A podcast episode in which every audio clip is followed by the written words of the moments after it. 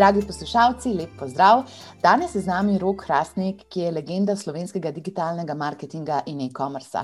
Roko gre pokloniti medaljo za scaling podjetja Studio Moderna, kjer je vzpostavil 140 glavo tržensko ekipo, prav tako pa je bil izvršni direktor na IPROMU. Potem se je na Senzilepu, ki proizvaja prehranska dopolnila, uveljavil kot vrhunski strokovnjak na tem področju ter zgradil spletno prodajo do današnjih 17 trgov in blizu 40 milijonov evrov internetne prodaje. Čeprav kot svetovalec še vedno ogromno časa preživi s Senzilebom, pa danes razvija še nekatere nove projekte in pri rasti pomaga več podjetjem. Hm, v tem nam bo verjetno več sam povedal kasneje.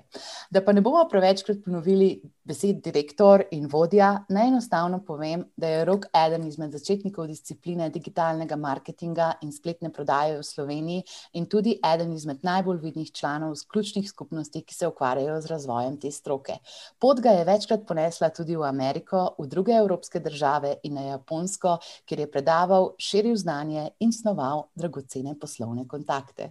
Danes bova z Rokom se pogovarjala o stanju digitalnega marketinga in e-commerce doma in po svetu. Razkril pa nam bo tudi svoje skrivnosti vodenja in ohranjanja življenjskega stila, ki mu daje neverjetno energijo za vse njegove poslovne podvige. Rok, dobrodošel na Renesansi. Eh, živijo moje. The best. In da vas začeti z enim ful smešnim vprašanjem in sicer, kako je danes biti rok krasnik?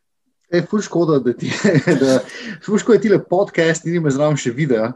Uh, da bi lahko še, še, še fa, faco dodal zraven pri teh komentarjih. Ne, um, ne po prid spovedati sam sebe, nikoli nisem dojemal kot nek legendo slovenske marketinške scene, kaj takšnega. Ne. Um, pretežno se bolj kot ne držim zase, razvijam svoje ekipe, projekte, se ful, ful, ful, redko še kje pojavim, pa kje povem, ampak še kar bolj izjemo kot pravilo. Tako da, da enostavno delam stvari, ki jih, ki jih rad počnem, se kaj zelo veliko ukvarjam s tem, kaj počnejo drugi, um, in pomagam tam, kjer lahko. Ja, lej, cifre govorijo drugo zgodbo. Tvojih skoraj 8000 followerjev na LinkedIn-u, kar koli daš na Growth Hacking Slovenijo, ki dobi 200-300 lajkov. Lej, jaz verjamem, da ti tega nočeš, ampak to se tebi dogaja v življenju. Tako da tukaj smo, to delamo. In evo, lej, tvoja pot je bila zaznamovana s številnimi prelomnicami, številnimi spremembami. Če bi potegnil črto čez celotno tvojo kariero, kje so bile tiste odločitve, ki so bile ključne, da si danes tukaj, kjer si? Fuh, predvsem sem ful, ful, ful, velik fail, ampak nisem nikoli to pustil, da bi to imel kakšen koli negativen vpliv na me. In pač vedno vsega fejla poskusil naučiti uh, maksimalno, kar sem se lahko, in čim prej naprej. Mislim, da bi rekel, da to je tista ena tistih glavnih, ključnih razlik, ki ti uspejo pač prelesti do tja, do, do, tja, do kamor želiš prelesti. Ampak, uh, treba pa reči, če moram pač potegniti neko črto, kaj so tiste res ključne stvari. Uh, prva je, po mojem, definitivno bila ta, da sem se, še prej sem bil star 18 let, začel ukvarjati z internetom, se veš, sem vseeno zdaj že malo tako old fart. Pionir. Uh, ok, ja, pionir, pionir, old fart, old fart, pionir. Uh, in ne boš verjela, ne, dejansko sem se začel ukvarjati z online, um, bom bil star 16 let, kot flash designer za američane, to je bilo pred letom 2000. Um, ja, začel sem kot flash designer, unim. Kje si se pa tega naučil, mislim, kako si pa dubil te flash design skile? Ej, pač zdaj, začel sem se igrati, začel sem klikati, zdaj se mi je kul. Cool. Uh, pred, pred Flashom je enkrat en friend dal en 3D program in sem v tem 3D programu narisal, uh, narisal grad in uh, kamero, kako se sprehaja po tem gradu in se mi je zdelo tako kul, cool, zanimivo, zabavno. Nekako tako približno.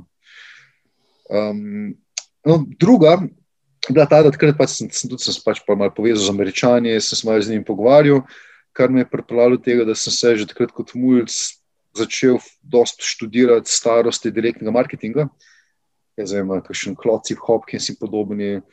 Tako da sem se že kar ful, ful zgodil v smeru v direktni marketing, dosti mrljive rezultate, rast performance in to potem tudi uporabo skozi vso nadaljno, vse nadaljni razvoj karijere, razmišljanja, fokusa in vsega ostalega.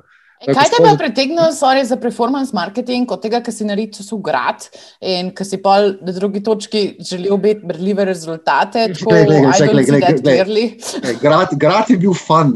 Sej, takrat, smo, takrat smo igrali Ultimo, ne, bila, Ultimo online, čisto že bila, mislim, celo par mojih frendov je failal šolo zaradi uh, uh, Ultime online. Zdaj, Ultima, uh, Ultima Underground. Pač gradovi so bili kul, cool, no, gledaj, ajde, no, bil sem 15-letni mulj, kateremu 15-letni mulj gradovi niso kul. Cool. Pa se veš, nekaj moč početi med tistim, ko maj preveč piješ, pa, pa povzročaš težave, težave staršem. Pač meni se da gradovi kul, cool, I don't know. Okay, kaj ti je bilo pa kul cool na performance marketingu? Kdaj ti je pa to posrkal? E, to bo, to bo fulno stavno. Že, že od malih nog sem nekako odraščal gor nekoliko bolj v podjetništvu, kjer smo vedno, smo, veš, cifre so vedno bile pomembna zadeva. Tudi ko smo bili mladi, smo s frendi, smo imeli prvi šank, svoj, svoj šank za pivo in cvetje. Delali smo recimo tako res kul cool stvari, ne veš, mogoče z pivo in cvetje, veš, da za pivo in cvetje, default je, da vsi pijejo pivo mi smo že takrat izračunali, da pivo se nam res ne splača piti, ker morajo pač vsi imeti več ali manj podobno ceno. Pivarna Laška je pivo prodajala relativno drago. In sem mislil, hm, ej, zakaj pa ne bi mi raje prodajali bambusa? Uh, pa prodajamo bambus 30-40 posto cenej kot vsi ostali, ampak bomo še vedno zaslužili več, kot če prodajamo pivo. In smo pač prodajali bambus in smo z bambusom puno dobro zaslužili, ful boš, kot so drugi s pivom. Uh, že, že teh mal, malih mladih nog me je ekonomika fulvlekla. Pa sem pač odkril marketing, pa direktni marketing, pa merljive rezultati, pa cifre. Pa vedno me je privlačilo to, da daš nek merljiv input noter in iz tega potem dobiš nek super merljiv output, ki hopefully je večji, dobiš ven. Hkrati s tem pa pač performance, ne, pač, ne, neko sem že od malih nog sem bil ultra competitive, rad sem tekmoval, rad sem imel, rad sem imel rast, Um, sicer okay, kot, kot otrok sem bil, sem bil precej uh, močnejši, če tako rečem, zelo sem rad jedel, še danes zelo rad jem. Uh, pač takrat nisem imel tako dobrih mehanizmov za menedžiranje tega. Uh, sem že, vem, že kot sem bil otrok, sem sam sabo tekmoval v hujšanju, miru samega sebe. Itd., itd. Vem, pač performance neko, mi je, mi je um, prirastel v kri, če se lahko izrazim. Dobro, dobro. Evo, se pravi, zdaj sem bila na gradovih, pa na flashu, bila sem na performancu. Kaj pa je bila tretja prelomnica v tvojem življenju? Uh, le, tretja pa, tem, ko sem se pridružil študiju modernišča, že prej sem imel par res zanimivih kulskih online projektov, ki so bili vsi zelo performance usmerjeni. Um, en od parih stvari, ki jih danes verjetno ni več do financ, pa vse to, kar so vse bile ful dobre šole, ampak uh, Na študiju moderni, ko sem se pridružil, sem pa takrat res lepo združil to svojo strast po performancu, s svojimi pogledi na direktni marketing, z organizacijo, ki je bila praktično 100% fokusirana na točno te stvari. Dejansko študij moderna je bila najboljša šola marketinga, prodaje, managementa, podjetništva, leadership, kar jih obstaja, oziroma jih je takrat obstajalo daleč naokrog. Uh, in tudi moderna je definitivno postavila tiste temelje za lidere, v katerega sem se potem kasneje skozi dolga, dolga leta razvijal in se, in se še razvijal. In se še razvijam. Meni je to ful fenomenalno slišati, zaradi tega, ker vsi ljudje, ki si kdajkoli delal z njimi, te imajo v takem markantnem spominu, pač res si naredil eno tako prelomnico v njihovem življenju, pač tako delati s tabo, pravijo, da je bil njim game changer oziroma ena takšen pivotal point v njihovem življenju. Tako da sigurno se bo o tem načinu vodenja potem še več pogovarjala. Preden pa skočva na to, pa na e-commerce, ki je vsem članom pač našega podcasta, poslušalcem, najbolj zanimiva tema, moram pa jaz sam še mečken, mečken, mečken, da prideva do tja, zasidrati idejo, kako se je svet v zadnjem letu spremenil. Mene so upozorili člani skupine Growth Hacking Slovenija na en tvoj zelo odmeven post, ki si bil na kitajskem, pa si malo povedal, kako so stvari na kitajskem. Ja, ja, ja ta mail se še vedno vali po najrazličnejših korporativnih inboxih, ne boš verjel, ampak to so si ljudje shranjevali in pošiljajo naokrog. A je zdaj Slovenija tam, kot je bila ta tvoja vizija Kitajske z vidika dekrizacije, ali nam še ni glih uspelo? Veš, to je tako um, zelo loaded question. Vem, vem, vem, I love it. Pač vse je vse.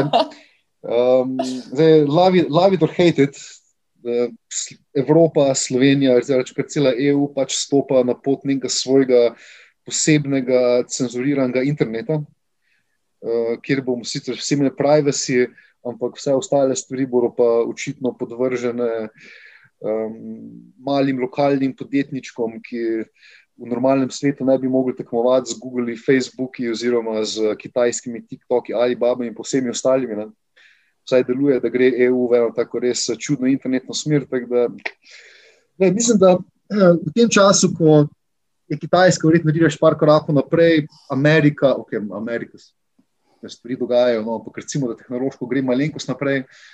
Uh, mislim, da je Evropa tukaj sam še koraka nazaj, nazaj in nazaj v uh, Stone Age, ko se obračamo. Se pravi, ti nisi optimističen, kako je korona sprožila digitalizacijo in porast ja, digitalnega šopinga?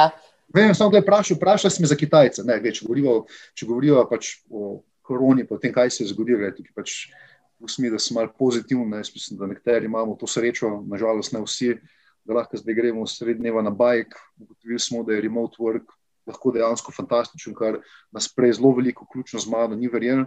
Uh, in smo bili celo nasprotniki tega, ljudje so kot nori začeli kupovati online, odprli se je cel kup ena novih online industrij. Pač mislim, da za vse, ki so v growth hackingu, e-commerce, ki kar delajo online, zdaj le trenutno je tista the, the, the opportunity, ključna priložnost, da narediš res kul, cool, dobre, zanimive stvari. To, ja. pač, prej si me sprašvala o, o Kitajski. Kitajska je pač, veš, EU gre v neko svojo internetno smer, kjer očitno konkurenca ni več dobrodošla, če ne prihaja iz Evrope, ampak to je mogoče druga zgodba. Pa dobro, se če že z Rusije prehaja, imamo tu. tu mislim, da tudi te konkurence ne maramo. Ne? Da Evropa, Evropa mara samo še une konkurente, pač, ki ne morejo konkurirati na globalnem trgu. Če govorimo globalno o Evropi, pa o tem, kar se, kar se dogaja v Bruslu. Dobro, dobro, dobro. Ne, pa tako, mislim, da sem se mi pogovarjala, pač tako že večkrat, ker vsaka interakcija, ki jo imam s tabo, je tako na nek način dragocena in mi da za naslednjih 40-3 tedne zamisliti na zadnje, ki smo se pogovarjali, si rekel, um, kako ste tudi v Senzilebu v bistvu šli čez to obdobje, pa ste videli pač tako določene poraste, pa mogoče pač tudi kakšno generacijo, ki prej ni bila tako internet first, se pravi, ki ni bila nativna v nakupovanju prek spletnih trgovin. Um, a misliš, da so to trendi, ki bojo ustali, a ki bojo zamrli? Vsekakor, vsekakor bodo ostali. Pač korona je prinesla to, da je praktično skoraj da, skoraj da vsakdo že kupil za nekaj online, ugotovil je, da to ni bal, bal, uh, razmahnil se je Volt, razmahnila se je e-hrana, je online je postal, počasi postaja del everyday life, kar mislim, da bo za celo industrijo absolutno, absolutno koristno. Mislim pa moj predvsem, predvsem ta prelom, oziroma postavitev, oziroma napad Volta, pa tudi e-hrane, seveda, jasno, e-hrane je začela to. Napad Volta, pa zdaj hkrati še drugih restauracij, je po mojem ta največja sprememba, kjer vsi začenjajo počasi dojemati, ugotavljati, da uh, je naročanje online nekaj, kar je del vsak dneva, nekaj, kar lahko počneš vsak dan. Ja, tu imaš absolutno prav. Spremembe tu so pozitivno tektonske in bodo pomagale praktično vsem v tej sferi.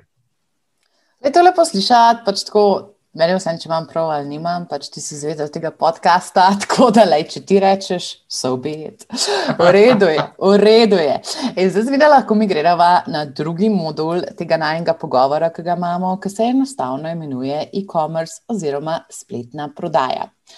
2020-2021 je bilo zelo prelomno leto in tudi v Senzelebu, oziroma pač pri teh projektih, ki ti svetuješ, ste ogromno inovirali. Kaj nam lahko daš, kakšne take signale, kaj bo v e-commerce upalilo v letu 2021? ja, vem, um, vem, tudi jaz ne maram tega vprašanja, ampak kdaj se potrudi? Se... Ni, ni, ni slabo vprašanje. Ampak um, ti, ti, ti spošten, najbolj direktno odgovor je, da več ali manj, verjetno, skoraj vse, kar je v 2020. Ta prva stvar, ki je res pomenila za vsakogar in to je nekaj, kar se nikoli, nikjer ne bo spremenilo je, da karkoli se lotevaš danes, pa ne, pa ne odvisno od tega, ali greš buildati nov, nov e-commerce posel, ali greš buildati e-commerce v neki obstoječi organizaciji, če hočeš rasti, moš najprej res v nulo, v nulo, v nulo razumeti svoj poslovni model, kaj ga poganja, od česa je odvisen, kaj so ključni konkurenčni faktori, kaj so neki higieniki, ki jih rabiš, uh, supply chain in vse povezano s tem. Pač vsi se morajo zavedati, da e-commerce ni to, da postaviš spletno trgovino in se greš malo Facebooka in Google, ampak je kompleksen poslovni konstrukt, v katerem moš obvladovati vse procese od začetka do konca, da zadeva funkcionira. In če gledamo največje zmagovalce zadnjih let, predvsem v Sloveniji, so to tisti, ki najbolj ravno obvladajo vse te procese. Ok, jasno, seveda. Um, Senzlap je tu naredil ogromne premike, tudi kot slišiš, naprimer, Studio Moderna je v letu 2020 naredila ogromne premike.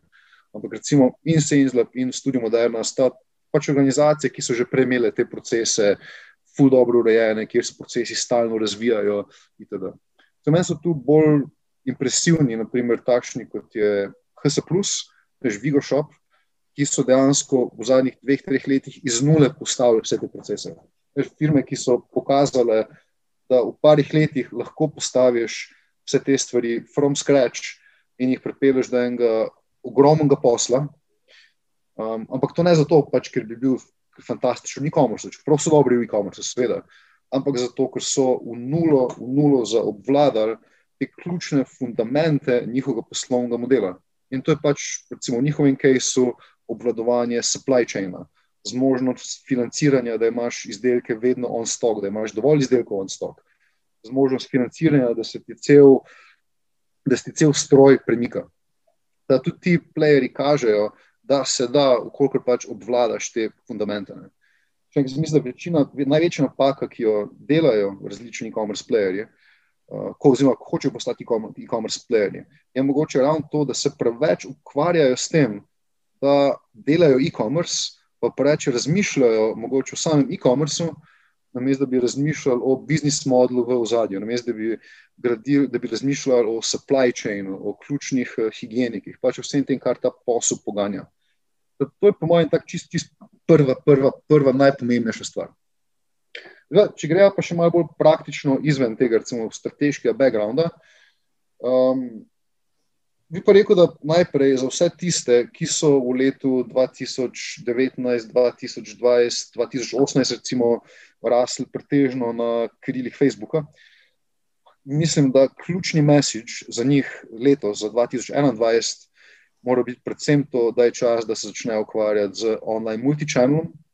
Ne na škodo Facebooka, seveda, jasno, še naprej razvijte Facebook, ampak mislim, da je zdaj tudi zadnji čas da začnejo tudi razmišljati o multičenu, ponovnih strankah, mogoče naročninah. Um, mislim, jasno je, da vsako leto se sprašujemo, ali je Facebook zabave že konec. Vsi, se, vsi mi se včasih bojimo, šit, ne, mogoče pa je Facebook te zabave že konec. Ta rast, ki je Facebook omogočil v zadnjih uh, približno štirih letih, je res bila fenomenalna. In uh, vsako leto pač se nam zdi, da okay, je mogoče pa leto zvo, pa pol ni. Ampak je tudi res, da Facebook je vsako leto težji, vsako leto grejo CPM-i gor, performance ne nujno raste z njimi, to je pač da CPM-i gor, performance ne gre vedno gor z njimi. Policy pravila so težja, stvari se spremenjajo, prihajajo Apple, iOS spremembe, pač Facebook bo če dalje težji in če dalje dražji, če dalje, če dalje več konkurence. In zdaj mislim, da je zadnji čas za vse, da naredijo switch na malo več fokus na multi-channel in repeat purchase. Recimo, to je tisto, kar je Stenzila prejšel v letu 2020. 2019 je bilo za nas kar zahtevno leto, um, predvsem na začetku, potem pač, ko smo začeli stvari popravljati, smo naredili fulo ogromne preskoke. Ampak naš, tista naša glavna rešilna bilka, ki nam je pomagala potem rešiti in izboljšati, zelo optimizirati finance in nas spraviti na pot do ogromne rasti, spet nazaj, je bil predvsem refocus na online multichannel in repeat customerje. Mislim, da to je res ključen message za vse tiste, ki se še vedno pretežno ukvarjajo s Facebookom. Uh, zdaj, seveda, pa ne, če si pa no player, ne, če si pa no player, potem pa jasno, Facebook je še vedno kralj hriba, začni se ukvarjati, jasno, najprej s Facebookom, ampak rabiš pa izdelek, svega, ki je Facebook friendly ali pa vsaj Kickstarter friendly, če želiš narediti nekaj resen preboj brez investicije. Wow. Jaz sem tukaj le zdaj le že skoraj pol strani zapiskal. Se pravi, majčkaj te moram izprašati za te naše, ki majčkaj začnejo, ne, da mogoče uh, postava sidrov na določenih stvarih, ki se jih omenil. Ko rečeš multichannel, pa Facebook, katere druge kanale imaš še v mislih, da je multichannel? Um, za začetek, absolutno. Nekaj, takoj, takoj, ko štartaš karkoli početi, okay, postavi si Facebook kampanje, pogrunti Facebook, uh, poskusi ugotoviti, kaj so tiste prave kreative, ki ti bodo najbolj delali za tvoj produkt.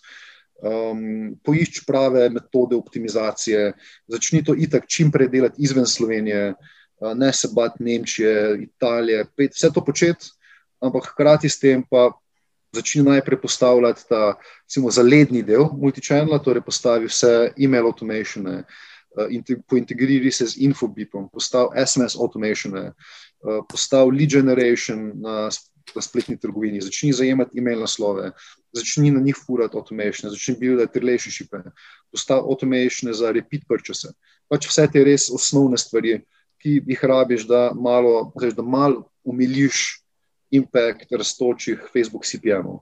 Potem začni postavljati Google. Itak, prva stvar, ki boš naredil, jasno, boš postavil search kampanje na brand, na, potem mogoče na svoje, na svoje produktna imena. Um, potem, takoj, ko greš malo izven tega, Google Shopping, izven Slovenije, ok, mislim, da v Sloveniji ga itak še ni. Google Shopping je fantastično urodje. Um, sicer s popolnoma drugim poslovnim modelom kot Facebook, pa če Facebook push je Google Shopping izrazit pull, potrebuješ včasih nekoliko drugačen pricing policy, potrebuješ mogoče včasih nekoliko drugačne produkte. Ampak Google Shopping je, kar se tiče finančnega performansa, uh, short term, če, glih, če nočeš biti ful večji kot, kot tisto, kar delaš na Facebooku, zna biti veliko bolj profitabilno od Facebooka. Takže to ti potem nek ti offseta tisto, kar delaš na Facebooku.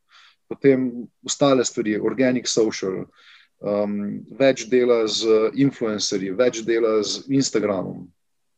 Pač vse tisto, kar ni tisto core Facebook advertising, um, ampak stvari, ki ti pomagajo začeti graditi, graditi stvari, stvari širše. Do potem, ne vem, package inserti, stvari, ki dajo pakete, fizični printed katalogi, če imaš večji produktni portfelj. Cel kup je dodatnih kanalov, poleg Facebooka, ki mogoče no, noben od njih ne more nadomestiti rasti, ki jo malemu startupu ponuja Facebook, ampak lahko pa vseeno offseta deloma strošek raztočih CPM-ov, pa predvsem tisto bistvo ti pomaga graditi long-term value customer database. Kar je pa itak najboljši dolgoročni, rečemo temu, offsetter oziroma blažilec raztočih uh, Facebook stroškov. Tako ne, in tudi v teh situacijah, ki so jih omenili že na začetku, ki so se še malo ogrevali za debato, ko nam pač Facebook mečkano tudi nagaja z dostopom do podatkov, ki bi jih drugače imeli in ki se politika zasebnosti zaostruje, je bolj racionalno imeti podatek pri sebi in pač delaš na maksimalizaciji življenjske vrednosti kupca, kot da si vedno na trgu predator na nove kupce. Uh, to je ena taka logika, ki je blazno blizu. Pazi pa omenil še istrskega samoroda roga oziroma Infobip. Jaz upam, da bomo Gregorja kmalo lahko tudi na podkastu gostili, to bi bila res zelo vesela. Um, na kakšen način pa ta SMS marketing pri vas poteka, kako pa to dela? SMS lahko, če gledaš, prav funkcionira fantastično, sicer je zelo odvisno od trga do trga. Um, so določeni trgi, kjer so responsi precej slabi. Kje ne dela? Ne bi šel tako detajl, ampak okay. gledaj, gledaj, recimo, no, da vzhod, do, vzhod in jug sta običajno dosti bolj dojemljiva za SMS-e, kot pa zahod in sever. Mogoče bomo pogledali, pogledali, pogledali bolj iz tega, iz tega vidika. Uh, predvsem so recimo, določeni vzhodni trgi na SMS-u, ocenjujejo fantastično. Um, potrebnega je ogromno testiranja. Bi začel z, najprej z zelo veliko segmentacije, mogoče z prekomerno segmentacijo, pri e-mailu bi zagotovo rekli, da je to prekomerna segmentacija, mogoče z najboljšimi RFM segmenti in potem počasi dodajo, dodajo in iskajo tisti sweet spot. Mm, glede na, na dosti visoko invazivnost SMS-a, uh, mislim, da je to definitivno smiselno, da še vzajemo čas, Senzlap je potreboval cirka kakšno leto, preden prišel do svojih receptov za stvari, ki res delajo fantastično. In na koncu, po vsem tem testiranju, ugotoviš na določenih trgih in na določenih customer segmentih, da sploh ni potrebno več ne vem, koliko veliko ne, ne, ne kako veliko segmentirati, dela z majhnimi bazami. Najdeš določene magične segmente, ki delajo fantastično, ne glede na to, kaj jim pošleš. Če jim ravno pošlješ na vsakih par dni, če imaš neko frekvenco, mogoče dvakrat na mesec, včasih trikrat na mesec. Ampak ta čarovnija se zgodi potem res, ko najdeš te res responsive segmente. Ni pa SMS to, da boš zdaj začel kar naenkrat celi bazi pošiljati, pa jih, pa jih zasivati. Moč se počasi učiti, segmentirati, meriti, testirati, in potem skozi malo daljše obdobje priti do tistega, kar ti, kjer, kjer res dela razliko. In potem postane SMS fantastičen uh, kanal. Dobro, dobro. Ti si rekel, player FM, jaz sem si to napisala kot zabeležek. Kdaj nam povej, kaj ta kratica pomeni? Torej, recency frequency monetary. Kako pa to uh, ugotoviš? To je, to je zelo, to je zelo totalno old school, old school uh, model iz sveta direktnega marketinga, razvili so ga že v danju časih, ko so pošiljali pretežno kataloge, fizično pošto in podobne stvari. In zelo enostavno ocenjuje v rangu 1 do 5, uh, eh, ocenjuje recency, torej kdaj je stranka na zadnje kupila. Če ima stranka recency score 5, to pomeni, da je na zdaj na tvojem najbolj recent strankanje. Potem od 1 do 5 ocenjuje uh, frequency, torej frekvenco nakupov, in isto za monetary, monetarno vrednost stranke. Torej, naprimer, stranke 555 so tvoje highest value, oziroma najbolj vredne stranke. Stranke 111 so tvoje najmanj vredne stranke. Uh, ni, ni nekih pravil, veš, kaj zdaj pomeni frekvenca 5. Za Merkator je verjetno nekdo, ki pride vsak, na vsake dva dneva v trgovino, je verjetno frekvenca 5, nekdo, ki pride pa enkrat na leto, je pa frekvenca 1. Zelo verjetno bi bilo v tem smislu. Pač to moraš zmeriti zase, za svoj poslovni model, in potem, glede na to, prilagajaš frekvenco komunikacije, ofere, ki jih pošiljaš, in tako naprej. Ne, to si res super povedal. Mislim, vsak izdelek ima en svoj normalen nakupen cikl, en naraven nakupen cikl, te zadeve se razlikujejo med sabo. Uh, si pa tudi zelo velik zagovornik uporabe podatkov in zdaj ne bom rekla podatkovne znanosti. Na, ja, ampak, da ti povej, mislim, prosim, rok čistko na primeru. Se pravi, če bi ti kot boss rekel, pač tako senzileb ekipi, zaporabim RFM, zdaj bomo pa mi monetizirali na hard ustvariti en 5-5-5 model tam na nekem trgu. Um, kaj bi mogla tvoja ekipa narediti, to make it happen? Pač, kaj je potrebno, da se te stvari spravijo v življenje? To rabiš data scientista, to je dos ena Excel ninja. Kako se to naredi? Je to ful, ful, ful, odvisno od tega, seš, od velikosti tvoje baze, kompleksnosti tvoje baze, kako globoko želiš iti. Zdaj, za štart, spomni za nekoga, ki je relativno majhen. Pa rečemo, čist... da ima naprimer, podjetje pod 10.000 strank. Ajde, reci pa to. Zdaj, da, da, da, da kamot začneš z vrtenjem Excela.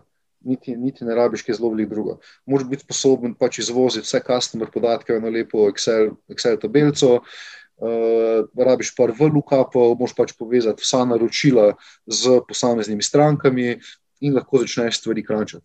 Zdaj, rabiš Excel masterja, jasno, nek Excel začetnik tega ne bo znal, ampak že nek Excel master bi mogel biti sposoben ti stvari razdeliti. To je pač moj approach bi bil, da bi najprej pogledal malo po rangih. Sam bi si zamislil neke range, rekel bi, naprimer, ne vem, dajmo pogledati uh, frekvenco, neke poprečne frekvence na kupu. Koliko imamo strank, ki so kupile v zadnjem, recimo v zadnjem letu ali pa maksimalno v zadnjih dveh letih, ker z več kot dve leti pa ni smiselno gledati, ki so kupile več kot enkrat. Koliko jih imamo, ki so kupile več kot dvakrat. Uh, koliko imamo, ki skupaj več kot trikrat, pač dokodrkoli je smiselno. Pogledaj, koliko imamo procentov strank v teh posameznih segmentih. Potem mi pogledaj, koliko imamo procentov strank v nekih vrednostnih razredih, ki bi jih arbitrarno določil, glede na poznavanje svojega biznisa. Um, pa gledam neka poprečna, poprečna naročila. In bi pač na takšen način poskušal potem stvari sestaviti. Uh, ne bi v začetku, ne bi z tega skušali neke, neke hude znanosti, ker zadeva ni treba, da je, da je kompleksna. Če samo, če začnemo nekaj delati. In to velja za za vse kar delamo online, v e-commerce. Že sam, če naredimo prvih par korakov, je to ogromen preskok. Glede na to, če bi naprimer, čakali eno leto ali pa dve leti, ali pa da sploh ne bi nič naredili, ker čakamo nekega magičnega strokovnjaka, ki bo vse rešil. Ni, ni treba to delati. Um, včasih, ko sem bil še mulj, okay, 15 let nazaj, ajde, šel smo čas delati segmentacije. Šel smo na študij modernih časov. Da, to bojo zgodbe, to bo super. Vrgli smo par Excelov skupaj, vrgli smo par VLUKAPov skupaj. Uh, imel sem en tool včasih, ki je prek katerega so smeli pošiljati. Vse, to, ni bil, to ni bila cloud zadeva, to je bil dejansko fizi, mislim, fizični programček na tvojem računalniku, kjer si posegmentiral baze in pošiljal maile ven. To je bilo še iz leta 2001-2002. Smo vrgli noter, smo naredili par uh, izločen baze, smo naredili par segmentov in smo zadevo po zadevo poslali ven. Um, na študiju Moderni smo včasih uporabljali, sploh sem spomnil, pred Google Analyticsom. Je bila ena zadeva, ClickTracks, se mi zdi, bil analitičen tool, ki smo uporabljali za segmentacijo. Včasih smo vse delali na roke, nismo nikoli čakali, da zdaj pa moramo dobiti nek magičen tool, ki bo vse rešil, pa ki bomo implementirali pol leta, ker teh toolov ni bilo. Pač vrteli smo Excel, vrteli smo druge tabele, malo smo mergali, mail mergali smo celo, po crying out loud. Mi smo pač delali in smo stvari pošiljali ven, nikoli niso bile popolne, ampak bile so pa dovolj dobre. Ko danes slišim o kakšnih večjih slovenskih podjetjih, tudi malih ali pa srednjih, ne, da ne morejo tega narediti, ker nimajo tula še ali da implementirajo tool. Mislim, da je eno, ne. Sem, le, lahko narediš tistih prvih 20-30%, ki ti podarijo neke razlike, lahko narediš na roko. Da priješ do nekih 18% value, lahko narediš na roko, če imaš enega Excel masterja ali pa z nekim res enostavnim toolom ne potrebuješ ogromne kompleksnosti. Eno, še eno je bistvo v tistih enostavnih rešitvah. Ne rabiš uh, Salesforce, CRM-ja, da to delaš. Večino tega lahko še vedno delaš uh, ali na roke, ali pa z nekimi dosti čip, enostavnimi tuli. In boš od tega potegnil 18% value, oziroma veliko več, kot pa če nečesa ne boš delal. In tež, tudi to je tista glavna težava v mindsetu ljudi. Um, raje nič ne naredijo, dokler nimajo tula, kot pa da bi nekaj naredili na roke, pa da bi to bilo narejeno samo na 30-40%. Ampak teh 30-40% je neskončno več, kot pa če narediš pač nič. Ne, to je super, ta analiz paralysis, to, kar si rekel. Mislim, tale rent je bil full precious in pač tako res 80-20 in to pač tako skrujit, let's do it. To je ta res taka mentaliteta, ki te je pozdignila med zvezde, med kateri si zdaj. Ampak čistko, se pravi, če gremo nazaj na RFM analizo, pa ti je Excel majster prinesel rezultate na mizo. Kera je prva stvar, na katero bi se ti osredotočil kot marketing boss? A bi šel gledati na 5-5-5 segmente, a v kire segmente bi ti šel prvo teklat, da se neki urednosti vam potegne? Mm, po mojem, je, itak, kot prvo to vprašanje, kaj ti, kaj ti analiza vam, vam, vam pripelje. Uh, koliko imaš ljudi v kakšnem segmentu? Ampak zelo, generalno, zelo bi na prvem koraku firmi, ki ima samo 10.000 strank bi zelo verjetno poskusil stvari maksimalno poenostaviti. Pogledal bi, okay, kdo so moje najbolj vredne stranke, kakšna je njihova nakupna frekvenca. Prav na VIP bi šel. Ja, pogledal bi najprej VIP. Vipovce in bi skušal Vipovce razumeti. In bi skušal razumeti, kako kupujejo, kaj kupujejo, zakaj kupujejo. Mogoče so naše aktivnosti za Vipovce že super in da ni treba nič spremeniti. Mogoče moramo Vipovcem dati še neke dodatne vrednosti, da bojo, da bojo kupovali še bolj pogosto in nas bojo bolj priporočali pač skušal bi jih malo malenkost bolj razumeti. Zdaj se odloči, okay, kaj je zdaj moj cilj z Vipovci. Ali je cilj samo, da jih ohranjam, ali da še kupujejo nekoliko več, da pospešim. Mogoče, mogoče bi mogel pri Vipovci pogledati, ajde, no, mogoče pa cilj, da pospešim njihovo naslednjo nakupno odločitev. Mogoče nam pa analiza pokaže, da stranka, ko drugič kupiš, če je pol leta in pa ima pozitivne izkušnje, pa že bolj pogosto. Torej, skušamo to naslednjo nakupno odločitev časovno približati bolj, naprimer, 30 dni ali pa 60 dni po prvem nakupu, če smo v tem segmentu. Te mi poskusil poiskati, bi pogledal, kdo so tisti, ki, ne, ki kupujejo, ki smo mogoče kupili do zdaj samo enkrat in koliko jih je. Moče pač treba, da na te gremo z nekim, da, ali, da ugotovimo, zakaj skupaj samo enkrat. Ne, pošljemo neko anket, ko jih mogoče pokličemo, ugotovimo, ali imajo kakšen problem z nami oziroma s produktom, kdo sploh ti ljudje so, ali pa moče ugotovimo, da z njimi ful premalo komuniciramo, pa da je čas, da jim pošljemo neki killer offer, da jih spet spravimo do nakupa. Zdaj, težko, težko stvari postavimo, neka točna pravila, kaj bi naredili. Zakaj, da dajmo ugotoviti, koliko imamo katerih, poglejmo na začetku, si naredimo ene svoje, tri, štiri segmente, ne več.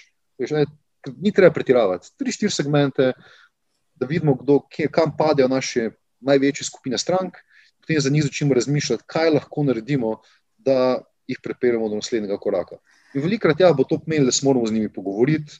Um, mogoče smo jim ugotovili, da z njimi premalo komuniciramo, mogoče smo ugotovili, da z njimi preveč komuniciramo. I don't know. Ne, ampak tako na lep plastičen način si zdaj le povedal, pač tako dva segmenta, ki sta zelo značilna za vsa podjetja. Se pravi, tiste stranke, ki grejo dobro čez naslijak, in po drugi strani tiste stranke, ki se nekje zataknejo, oziroma moramo najti načine, kako bi jih lahko bolj uspešno monetizirali na dolgi rok, potem, ko smo se prej pogovarjali o multichannelu, pa o povečevanju dodane vrednosti stranke.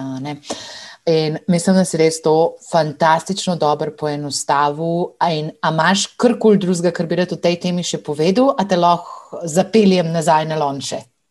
Uh, gremo na lonče. Gremo na lonče, super. Se pravi, ena metoda, s katero mi lahko povečujemo življenjsko vrednost stranke, in to pač, da jaz pri roku ne kupam samo enega vitamina D, ampak da potem pač tako še poskušam shujšati in se poskušam pač tako še, ne vem, z ribezom prehranjevati in vse te zadeve, za katere smatram, da so v redu v mojem življenju, je, da stalno lansiraš nove produkte in pač poskušaš dati ljudem eno novo priložnost, da kupijo. In ta umetnost, oziroma znanost lončanja novih stvari, je nekaj, o čem je Senzile pod rokovim vodstvom, seveda, vlastel. Neizogibno moramo vprašati, kaj so skrivnosti dobrih lončev. Fuh, e, glede na ta uvod, je to zabavno. Ampak jaz sem te že tokrat poslušala, s tem, ko ste bili testirali trge, tako da bil na mestu. E, veš, da boš ful bo šokirana nikoli se nisem zelo veliko ukvarjal s nekimi kompleksnimi lonči. Uh, v prvici se že dolgo leta sploh nisem več ukvarjal s kakšnimi lonči. Tudi na Senji Labu smo vedno imeli ful enostaven pristop k, k lončem. Um, začela si s produkti, tada mogoče, mogoče, mogoče začnem s produkti. Um, kar se tiče produktov, naš lonč je običajno bil ful enostaven.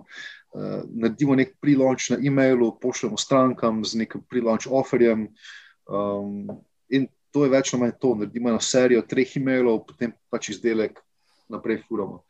Uh, na Facebooku pa navadno sploh ne delamo nekih, oziroma nismo nikoli delali nekih hud, spet nekih hudih pre-launch, kaj takšnega.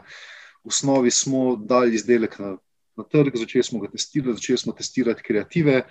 In smo pač poskušali pripeljati do nečesa, kar bo potem delalo bolj dolgoročno. Rok, vi, influencerji, um, sploh niste imeli še vključene v te lonče? Če sem še enkrat? Influencerjev. Ne, ne, nikoli ne, ker se dejansko nismo skoraj nikoli sploh ukvarjali s nekimi kompleksnimi lonči in to je spolno enostavnega razloga. Um, naš fokus pa energija sta vedno bila predvsem v to, da, zgrad, da zgradimo zelo tako kons, konsistentno delujoč prodajni model in da zadevo stalno optimiziramo. Tisti neki uvodni launch, sales spike, vse je fino videti. Uh, super je, ko imaš ta prvi launch spike. Ampak na koncu se razlika dela bolj na dolge proge. Čeprav smo včasih smo delali veliko več launch, ko smo imeli štiri trge, ko smo imeli en brand, oziroma moč pa kasneje dva brenda. Smo potem, ko se je vsa ta operacija razširila na 17 trgov, na pet aktivnih web storov, je tudi vse fokus potem šel predvsem na zelo, zelo to tekoče, procesno orientirano delo. Uh, pride, pride produkt ven, uh, vse ukvarjamo s tem, da pogledamo, testiramo X kreativ. Če te kreative delajo, super, se jih skala naprej. Če ne delajo, se naredijo nove kreative. Z influencerji se delajo samo produkti, ki so že preverjeni, z preverjenimi koncepti, s preverjenimi, uh, s preverjenimi kreativami, s preverjenimi prodajnimi, prodajnimi angli. Um, pač vse na Senzilabu se dela za tek na dolgo progo, vse se dela za to, da zadeva dela in da vsak produkt, ki se ga nasira, če in ko se ga pogrunta, dela na čim več trgih, čim bolj konsistentno in um, dolgoročno.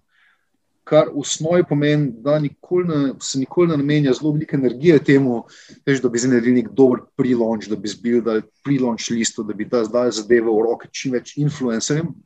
Ker to enostavno, uh, po eni strani se ne skala vse in zla primeru dovolj, po drugi strani se in zla plasira toliko produktov, da bi to bilo skoraj da ne mogoče početi. Kako lanče obati vi na leto od rok?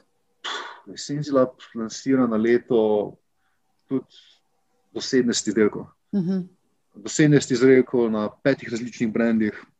Tako da je dejansko impact njega izdelka na koncu relativno majhen. Je seveda pomemben in so določeni, določeni bestselleri, ki zelo, ki zelo močno vlečajo.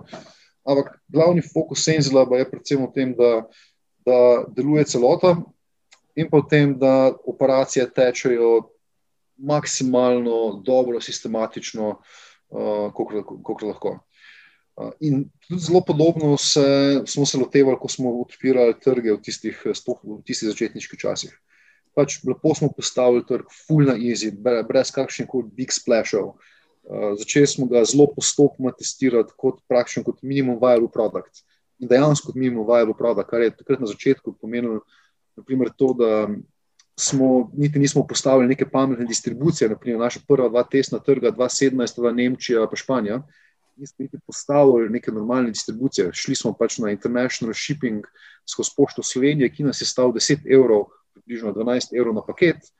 Um, stranki smo subvencionirali 7 evrov, približno. Samo zelo smo takrat trge potestirali. Potem, pač, ko smo jih protestirali, ko smo jih potrdili, smo šli naprej, smo iskali, smo optimizirali distribucijo, potem rejectione, um, sproti optimizirali, pač lepo šli step, step, step by step. Um, Ali pa klede pri trgih je ful zanimivo vprašanje še lokalizacije. Jaz se spomnim, ko si nas gostil v podjetju, pač našo skupino Growth Hacking Slovenija. Hvala še enkrat za to. To je bilo eden izmed epskih meetupov, ki smo jih imeli kot naša skupnost. In ti si razlagal malo o tej ustroju, ki jo imaš tudi v podjetju. Se pravi, da imaš enega editorja, ki govori lokalni jezik in pač tako je odgovoren za kreiranje vsebine, in potem advertiserja, ki poskrbi za to, da se te zadeve spuščajo naprej. Um, tako da, a to je ustroj, ki ga še vedno furate za testiranje novih trgov, ali imate zdaj že kaj drugače? Se je zelo, vse je nekje na. Približno vsake pol leta se je reorganiziral. A, ok, pa malo predem s starimi informacijami. Ja, cela ta, čeprav si, si relativno blizu. Pač včasih na začetku se je začela predvsem ta res huge international rast leta 2017, kot se je v enem letu odprl, devet trgov približno. Um, začeli smo takrat tako enostavno. Vsaka država je v štartu imela eno osebo, uh, ki je delala vse. Delala je Facebook advertising, seveda pod vodstvom izkušenih, izkušenih menedžerk. Um, torej delala je Facebook advertising, prevajala, postavila izdelke v spletno trgovino, delala e-mailinge itd. In ta sistem je takrat eno leto za te res hitre lansiranja, full trgu, pa potem tudi po dve, tri spletne trgovine na trg, je delalo fantastično. Potem se je pa dosti hitro pokazalo, da bo potrebno vse specializirati, da postaja Facebook bolj zahteven, torej da je potrebno full nadgraditi Facebook ekspertizo, Facebook znanja, um, da je potrebno na drugi strani nadgraditi copywriting skills, email skills itd. In takrat se je pozvala prva večja reorganizacija, kjer se je tim splitil na editorial in na Facebook. Torej so, so bili potem Facebook specialisti in editorial specialisti. Facebook specialisti so takrat bili fokusirani na posamezne države. Torej vsaka država je imela enega, eno, enega do, ali počasi tudi dva Facebook specialista, ki so delali samo za to državo. In potem je zadeva tak nekaj časa funkcionirala, na kar smo prišli do izziva, da jih hočemo pa lansirati več brendov. Ampak dejansko, če hočemo lansirati več brendov, potem ne moramo več imeti na državo samo enega Facebook advertiserja po drugi strani pa, če hočemo imeti toliko trgov, spet ne moramo pa zdaj za vsak trg, ki ga odpremo, imeti še recimo 3, 4, 5 dodatne Facebook advertiserje, ki bo skrbel za vse te znamke. Potem v naslednji razvojni stopnji so se advertiserji začeli organizirati bolj iz vidika brendov. Torej je bil en Facebook advertiser, ki je delal za en brand na treh, štirih trgih. Zdaj, kjer model, by the way, ali by market ali by brand, deluje boljše, res odvisno od specifike. So prednosti pa slabosti vsakega modela. Uh, no, potem se začne tako nekako razvijati naprej. Da advertiser, advertiser je delal za um, različne trge, ampak isti brand Sveda so imeli pa še editorje, so delali za svoje web store na svojih, na, na svojih trgih. Kar se pa potem začelo počasi dogajati, je, da smo opazili na koncu, isti menedžerji več ali manj sedijo skupaj na vseh istih mitingih. In so se naenkrat mitingi po celi firmi skoraj širili kot, skoraj kot nek vrste ne vem, rak, rak skoraj da. Posod je bilo ogromno mitingov, je to postalo preveč neproduktivno.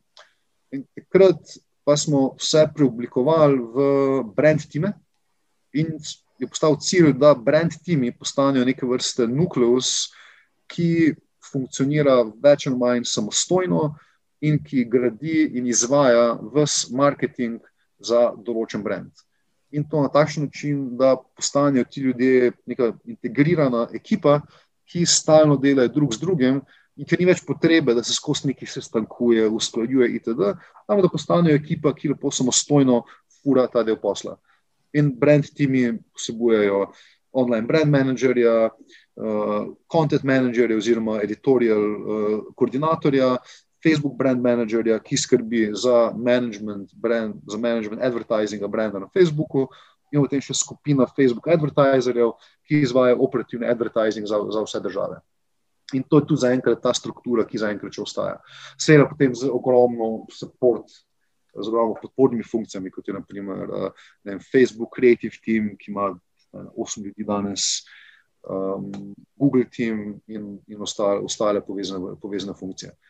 Um, je pa trenutno vse skupaj deluje kot skoraj neke vrste tridimenzionalna matrična organizacija. Ker na eni strani so regionalni menedžerji, ki vodijo markete, ki na katerih delajo pretežno editori, ki menedžirajo vse web store, potem na drugi, na drugi osi imamo uh, uglasne kanale, torej Facebook, absolutno kot največji, ki ima potem še cel kup podpornih funkcij, vključno z, z celim influencer timom, kjer je ogromno za influencer menedžerje, ki tu držijo, sedijo po posameznih državah lokalno, um, marketing support team, analitika itd potem pa še ena os, ki pa so uh, brand timi, ki skrbijo za, za razvoj brenda. Kar je na koncu dokaj kompleksno, ampak je pa tudi zelo verjetno relativno učinkovito, glede na to, da se vse izlabo vedno prepleta management kanalov, management 17 držav in management 17 brandov, ki so v bistvu ločeni web story, ki vsak funkcionira več ali manj zase. rok. To sem vedela, da se bo danes naredila. Ena točka, ki bo mogla zajeti zrak in ki bo postila poslušalcem, da si dokončajo tretjo strak, eh, stran svojih zapiskov. Ej, meni pa v mestnem mail uletel še nekaj ful zanimivega in sicer ob 18. ima Senzilep. Uh, live shopping, oziroma v družbi Irneja Kunterja bomo rekli adijo odvečnim kilogramom. Se pravi, se zdaj le vrši en eksperiment, očitno z live shopping kanalom. Megan? Ne. Um, se pravi, se zdaj vrši v bistvu nek eksperiment z live shoppingom, pa bi se mečken, mečken, mečken v nadaljevanju, poleg Facebooka, pa Google, pa e-maila, pa kopija, se pravi, teh kanalov, ki se jih v bistvu do zdaj že umenil, dotaknila novih funnelov, ki, jih vi testi, ki jih vi testirate trenutno.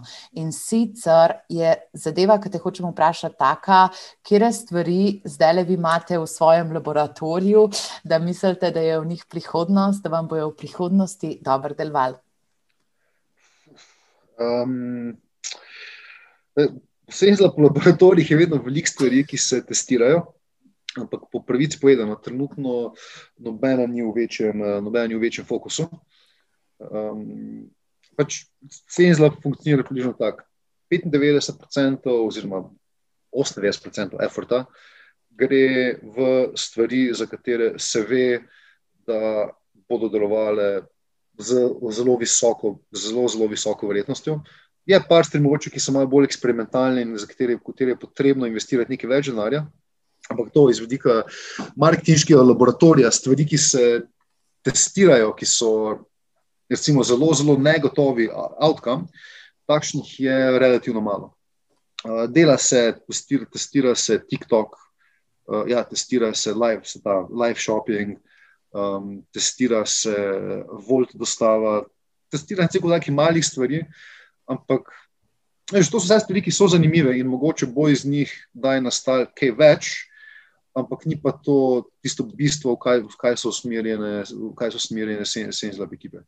Se pravi, če bi ti zdaj imenoval tri top kanale za Senzilab, se pravi za ta domogočno mašinerijo, ki ste jo vi zgradili.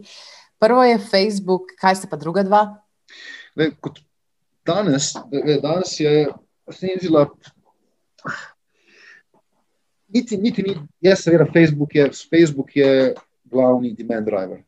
Ampak um, dejansko je Senzlab danes prišel do tega, da je res zelo kul cool pozicija, kjer cel ta osnovni ustroj, osnovni core setup uh, fantastično deluje kot celota. Torej, Facebook ustvarja demand. Del tega, del tega demanda zajame search del tega demanda zajamejo različni uh, email automation, SMS automation, lead generation. Uh, vse to skupaj potem, od, in seveda Facebook, kar Facebook direktno prodaja, um, potem vse to, kar ste preko srča, automationov, vse to gradi bazo strank. In se to bazo strank skozi različne kanale vodi do naslednjega nakupa, se z njimi pridobiva nove stranke itd.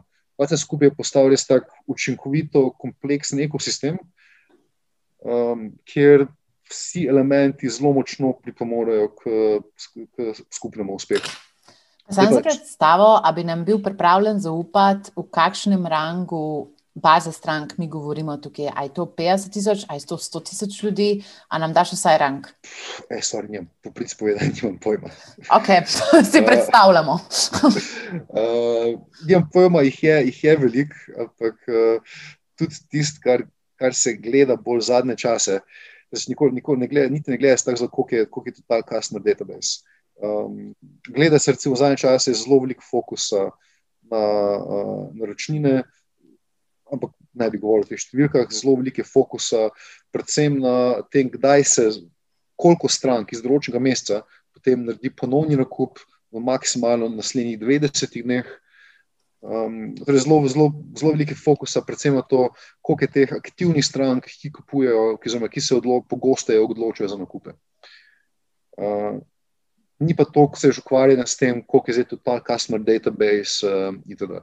Posledaj čisto ta operativni, operativni um, respons strank, njihovo zadovoljstvo, vključno z NPS in vsem ostalim. Ampak mogoče na to, kar si prej vprašala, kaj so ti naslednji koraki, naslednje vrke razvojne stvari.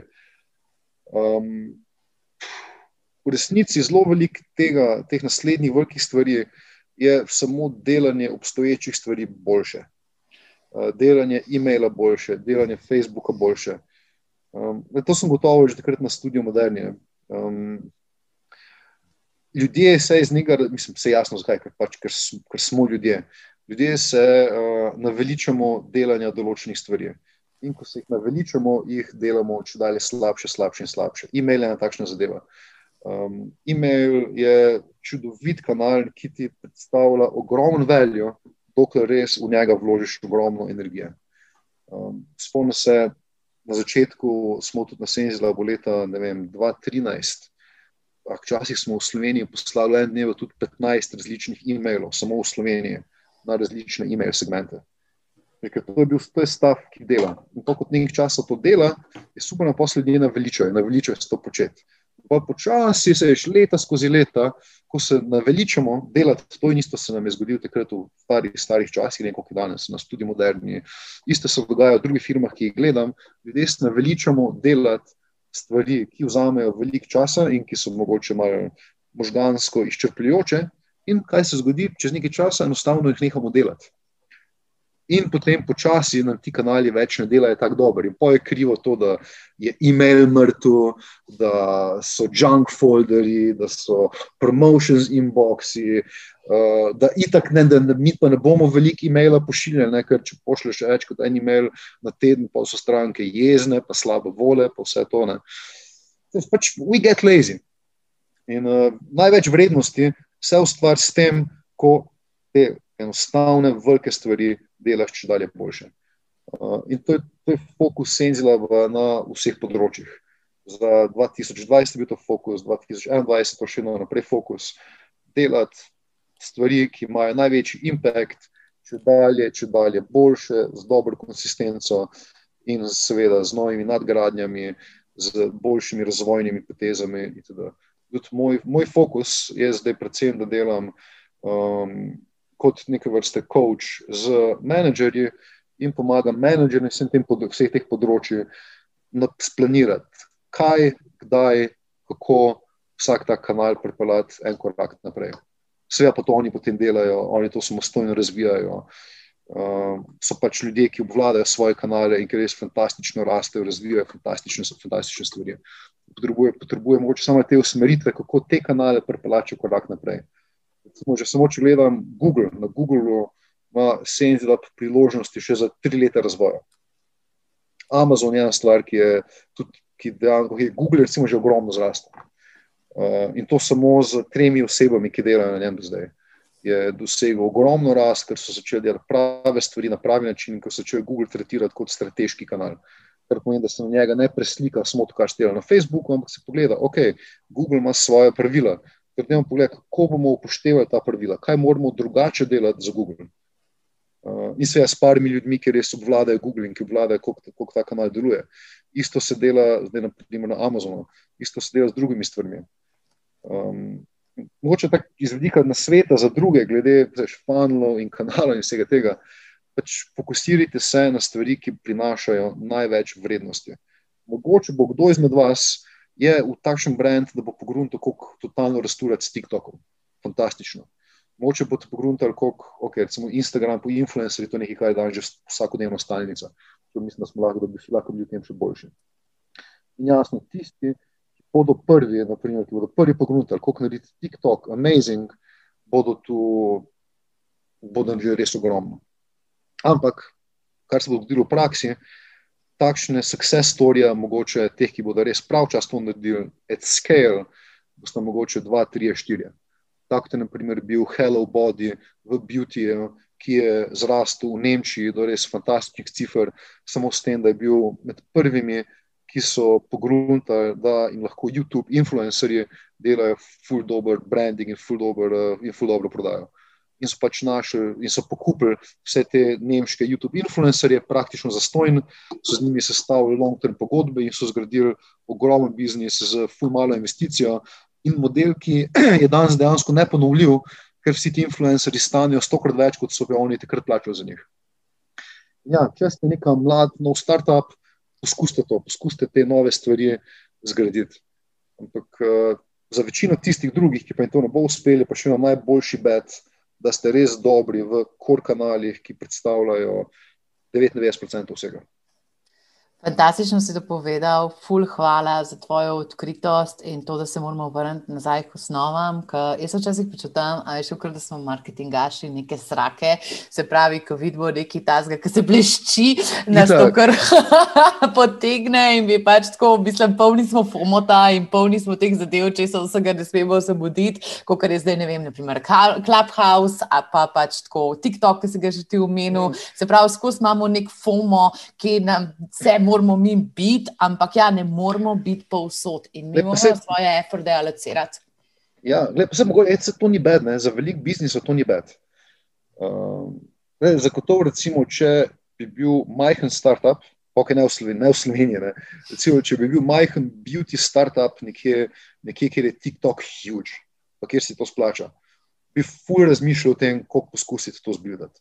Sicer ne vem, ne vem, recimo, če na TikToku lahko Um, če imajo influencerji tako nizke cene, kot so jih imeli takrat na YouTubu, na začetku, ko jih noben skoraj ni hotel, ne, I don't know, ne, ampak mogoče lahko s tem nekaj narediš. Ampak seš, vsaka taka stvar zahteva full effort. Če hočeš biti. Če hočeš biti voditelj v tem, če hočeš biti top shit v tem, kako pogruntati TikTok, se moraš v to sfokusirati, mora to biti tisti tvoj uh, reason for existence, reason for being. Pa mogoče ti lahko to uspe. Lej, ker sem zadaj tukaj dejansko eno ponudbo, ne? jaz mislim, da ne ben še ni LinkedIn influencerjev dobro teklo. Tako da, če želiš. Lahko mi dva narediva eno serijo storijev, pa ti testiraš še eno kanal.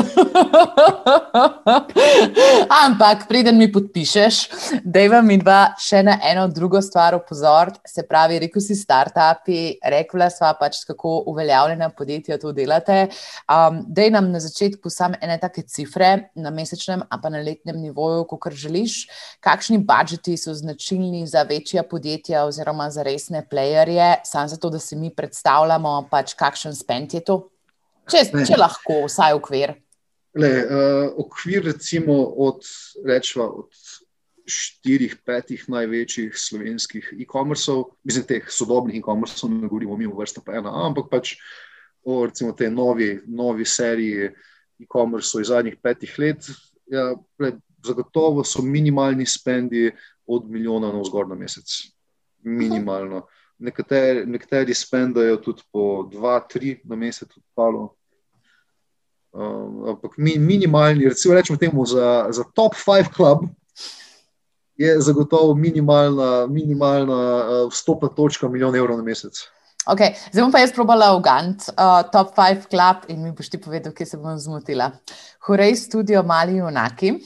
Potem verjetno nekakšen Vigošop zraven, zna biti Flavijar, Not Shore, pol je verjetno Senzilep, za petega pa nimam pojma.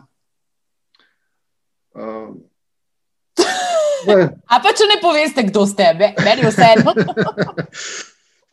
um, nisi daleč, nisi, nisi, daleč, nisi daleč od resnice. Gled, je še par, je še ena par dobrih, je definitivno je še, je še ena par dobrih. No.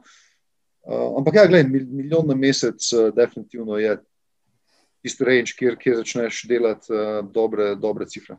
The best, full dobro. Kako pa ti, kot nekdo, ki te zdaj ne smem poimenovati legenda, ne smem te poimenovati pionir in te bom poimenovala kar royalty slovenskega e-commerce, kako pa ti gledaš na te startupe, ki so v bistvu zdaj pač tako dobro financirani in pač tako res pač jih je polno, jih imamo polno na radarju, se pravi, kot so naprimer Shopster, a pa Unikli. Kakšno je pa tvoje mnenje o to vrstnih startupih oziroma vstopajočih podjetjih na sceno? Ej, thank you, full, full, full, full cool vprašanje. Um, zdaj, zdaj si podala dva taka res totalno diametralna, zanimiva, zanimiva primera. Recimo, okay, Shopster, ta je res, ta je res dejansko full zanimiv, ker je verjetno en izmed prvih uh, v, zadnjih, v zadnjih letih, ki prihaja na trg z verjetno, vsaj tako se piše po medijih, nimam pojma, nisem nikoli govoril z njimi direktno, ne, ampak ki prihaja z malo večjo investicijo. Uh, je pač klasičen mass market e-commerce player, uh, ima sicer ta svoj gimmick, neke kvazi internetne TV prodaje, ampak še vedno gre v praksi za full klasičen model. In pač mislim, da če gledamo ta model v osnovi, danes rabiš več kot manj dve stvari. Um, ogromno keša, ki ga lahko brnaš, da po eni strani postaneš uh, market leader, oziroma da res si stalno prisoten, na polno oglašuješ, uh, da dosežeš neko resno ekonomijo obsega.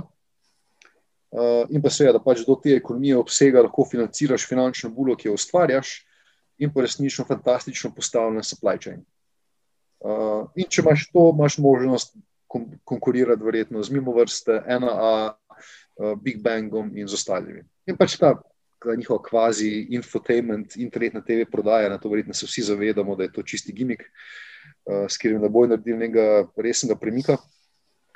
Uh, to dejansko je to preslikava QVC-ovega modela izpred stotih let na vzhodne in južne trge.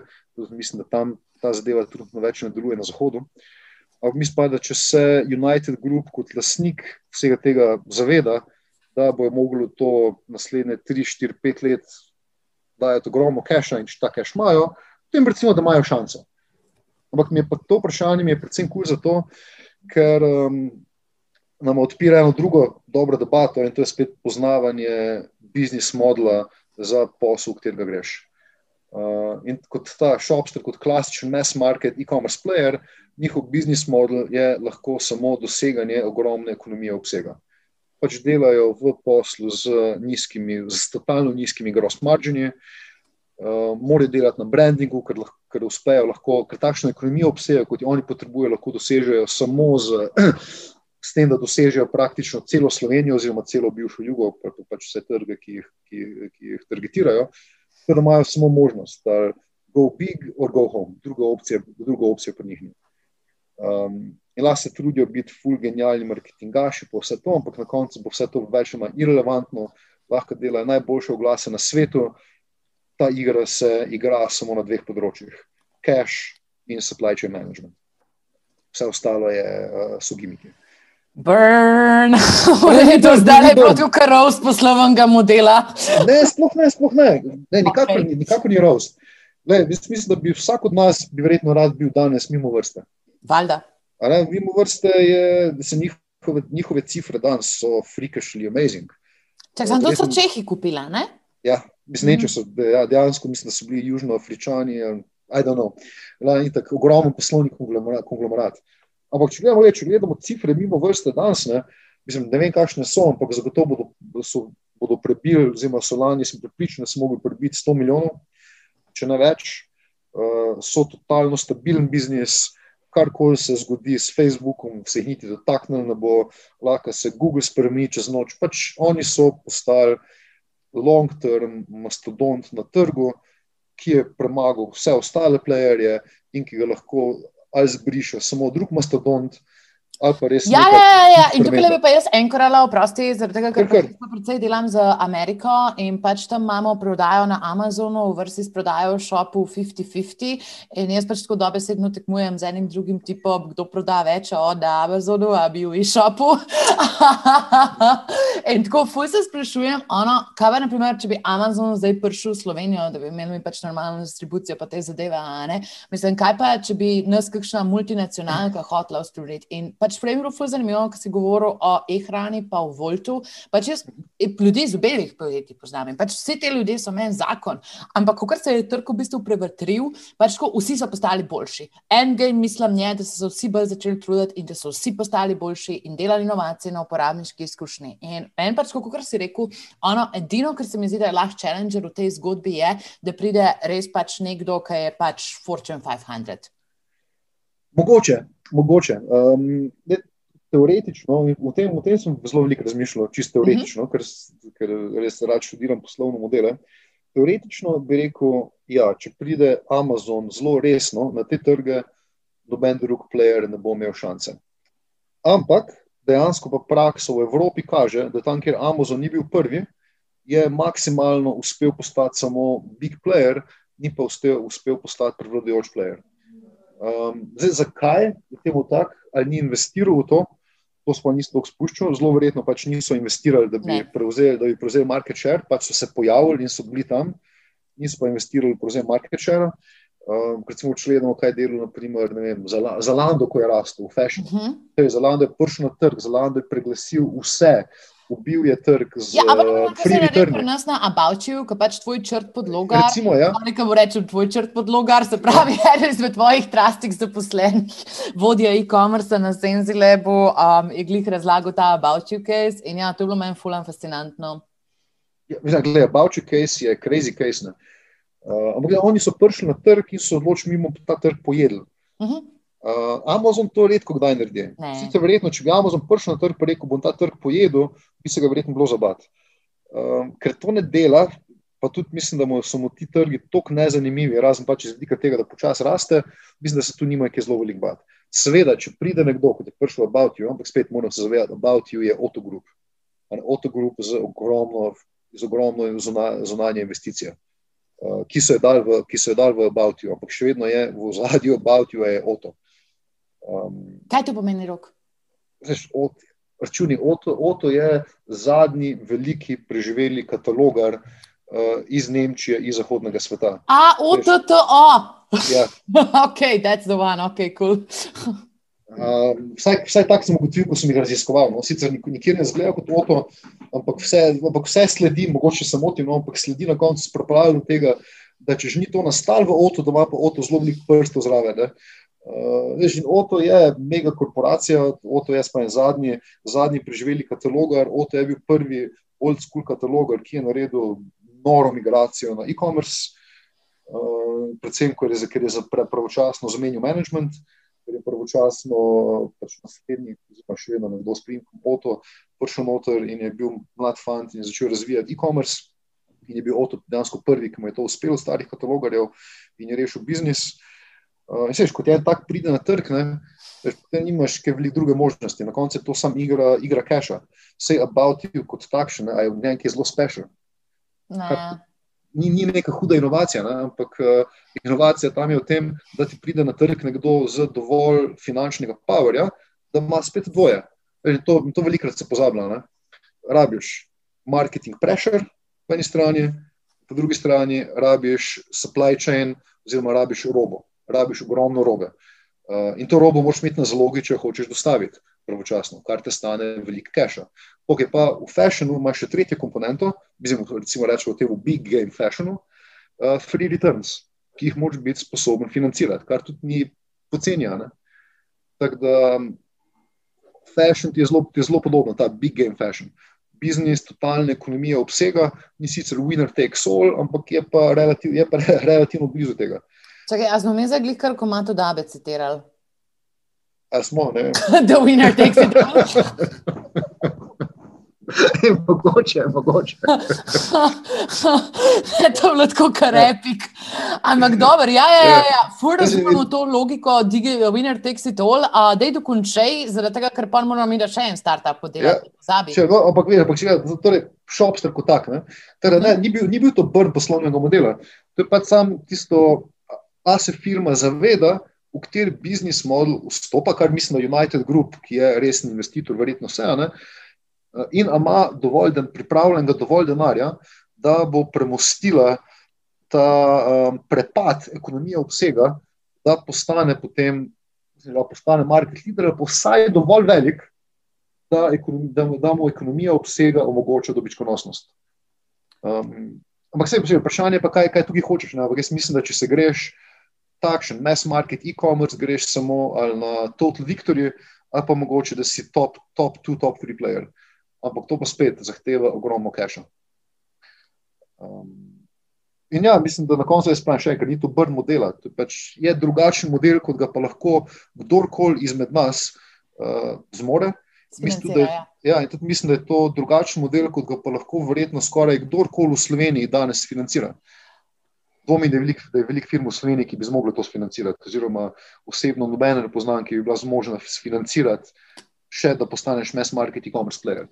Ne, in pa je ful pomembno vprašanje, sorry, ker te tukaj le prekinjam, ampak naprimer, če se ti naredi takšna disrupcija v tvoji vertikali, kako se lahko kot nekdo, ki je bil mogoče do sedaj vodilni, a pa mogoče do sedaj top 3, odzove na to spremembo? Mislim, pa pač tako začneš odpuščati in pač dezinvestirati v trg, a pač obstaja kakršen koli način, da se lahko pred tem obraniš? Se že vedno, vedno imaš, vedno imaš ogromno možnosti. Um, vse, poglej si, kaj na koncu mimo vrste naredila.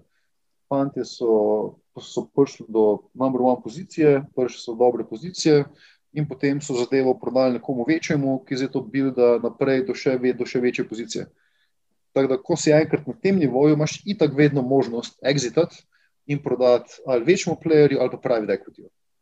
Uh, in kjerkoli izmed teh dveh, torej ali ta večji player ali pa private equity, bo verjetno hotel, da zadeva raste naprej, ker hoče sodelovati v winner take all igri in hoče on biti na koncu tisti winner. To je vedno opcija. Druga opcija, enostavno si rečeš, da je ok, ne bom naprej podjetnik. Mislim tudi, da se je to takrat zgodilo ena, ampak to je mogla vprašati njih. Ne. Ampak pri ena se zdi, da so lepo pač sprejeli to, da ne bojo več number one in so se fokusirali na profit kar je fantastično. Vse ni ni treba, da si nam rojen. Ko priješ do pozicije, ki je imela ena takrat, mislim, ena takrat, ko je mimo vrste začela abnormalno rasti, je ena lepo vzdrževala tisti promet, cirka 20 milijonov na leto, Lej, iz tega lahko ti kot lasnik fantastično uh, živiš, vzdržuješ pozicijo. In že samo to, da se preusmeriš iz tega, da hočeš biti number one, kar pomeni, da, veš, da moraš ogromno rasti, da moraš ogromno razvijati, da moraš ogromno investirati, če se pri takšni ekonomiji obsega odločiš, jaz sem zadovoljen in je pač to dovolj, kar jaz hočem in kar jaz rabim, ne? lahko na tem živiš še verjetno naslednjih 10-15 let. Tež niti treba biti number one, lahko, lahko si super zadovoljen z uh, 20 milijoni na leto. Se ne vem, če se to pa ni zgodilo. Ampak uh, dejansko je 20 milijonov na leto fantastičen promet in lahko s tem fantastično uspevaš. Tež ni to, ni to endgame. Ja, se lahko zgodi pa tretji scenarij, kar nismo opazili, da bi se v Sloveniji kaj velikim zgodil, pa da pa res začneš padati, umirati da na koncu, da na koncu propadeš. Mislim, da imaš toliko drugih alternativ, da, da ni treba, da, da se to zgodi, da ko si enkrat market leader, da, da imaš zelo veliko možnosti. Večji challenge je, če poskušaš postati market leader, oziroma če si tisti, recimo, v zagonski fazi rasti in ti pride en tak player noter. Ker ko ti še nimaš brenda, ko nimaš strank, ko nimaš postavljene organizacije, takrat imaš pa že nekoliko več, več bolečine. Hmm odgovorite približno na to vprašanje. Ja, ja, zelo dobro odgovoriš na vsa vprašanja, ki jih danes dajem. Ampak jaz sem ti tudi nabila vprašanje z dvema startupoma. Se pravi, Shopster si ti full okay. dobro zdaj le komentiral, zdaj imamo pa še eno drugo uh, sceno za obdelati. Ok, unikli. Um, Mi je pa spet mi je zanimivo, ker je direktno diametralna zgodba in ker seveda je v sferi, ki konkurira Senzi Labo. Uh, Sploh, ker je to stvar personalizirana prehranska dopolnila, torej za tiste, ki ne vejo, unikli delati personalizirana prehranska dopolnila, kar v osnovi pomeni pač to, da daš več kapsul v eno, v eno sošetko um, v tem biznis modelu. In recimo, personalizirana dopolnila so mi vedno bila ful fascinantna, s Senzlabo smo jih skupaj raziskovali nekje že od leta 2014, um, sploh pol odkar je nekoliko bolj zrastel, care of, pa potem persona, Čeprav Carol je bil tisti original, personalized, original startup, ki je res prvi zrastel do fantastičnih cifr, pa, ki ga pol dan skopirajo vsi, tudi persona, ki jo imajo tako radi vsi zadnje čase, je nastala na podlagi tega, kar se vidi na Carolu, itd. Unikli je pitak kopija vseh teh ameriških modelov. Kar, by the way, noben brd, kul, ne se na koncu uh, copy and copy with pride, to je tako uh, fantastično, če lahko stvari skopiraš, pa preneseš na drug market. Ampak um, No, ja, mislim, da je Unikli je itak popolnoma drugačna zgodba od Shopsterja.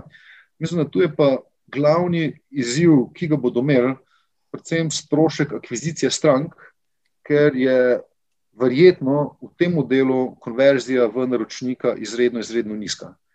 Torej, rabiš subscriberja, ampak konverzija sama po sebi bo pa zelo, zelo nizka, ker kot prvo prodajaš kompleksen produkt.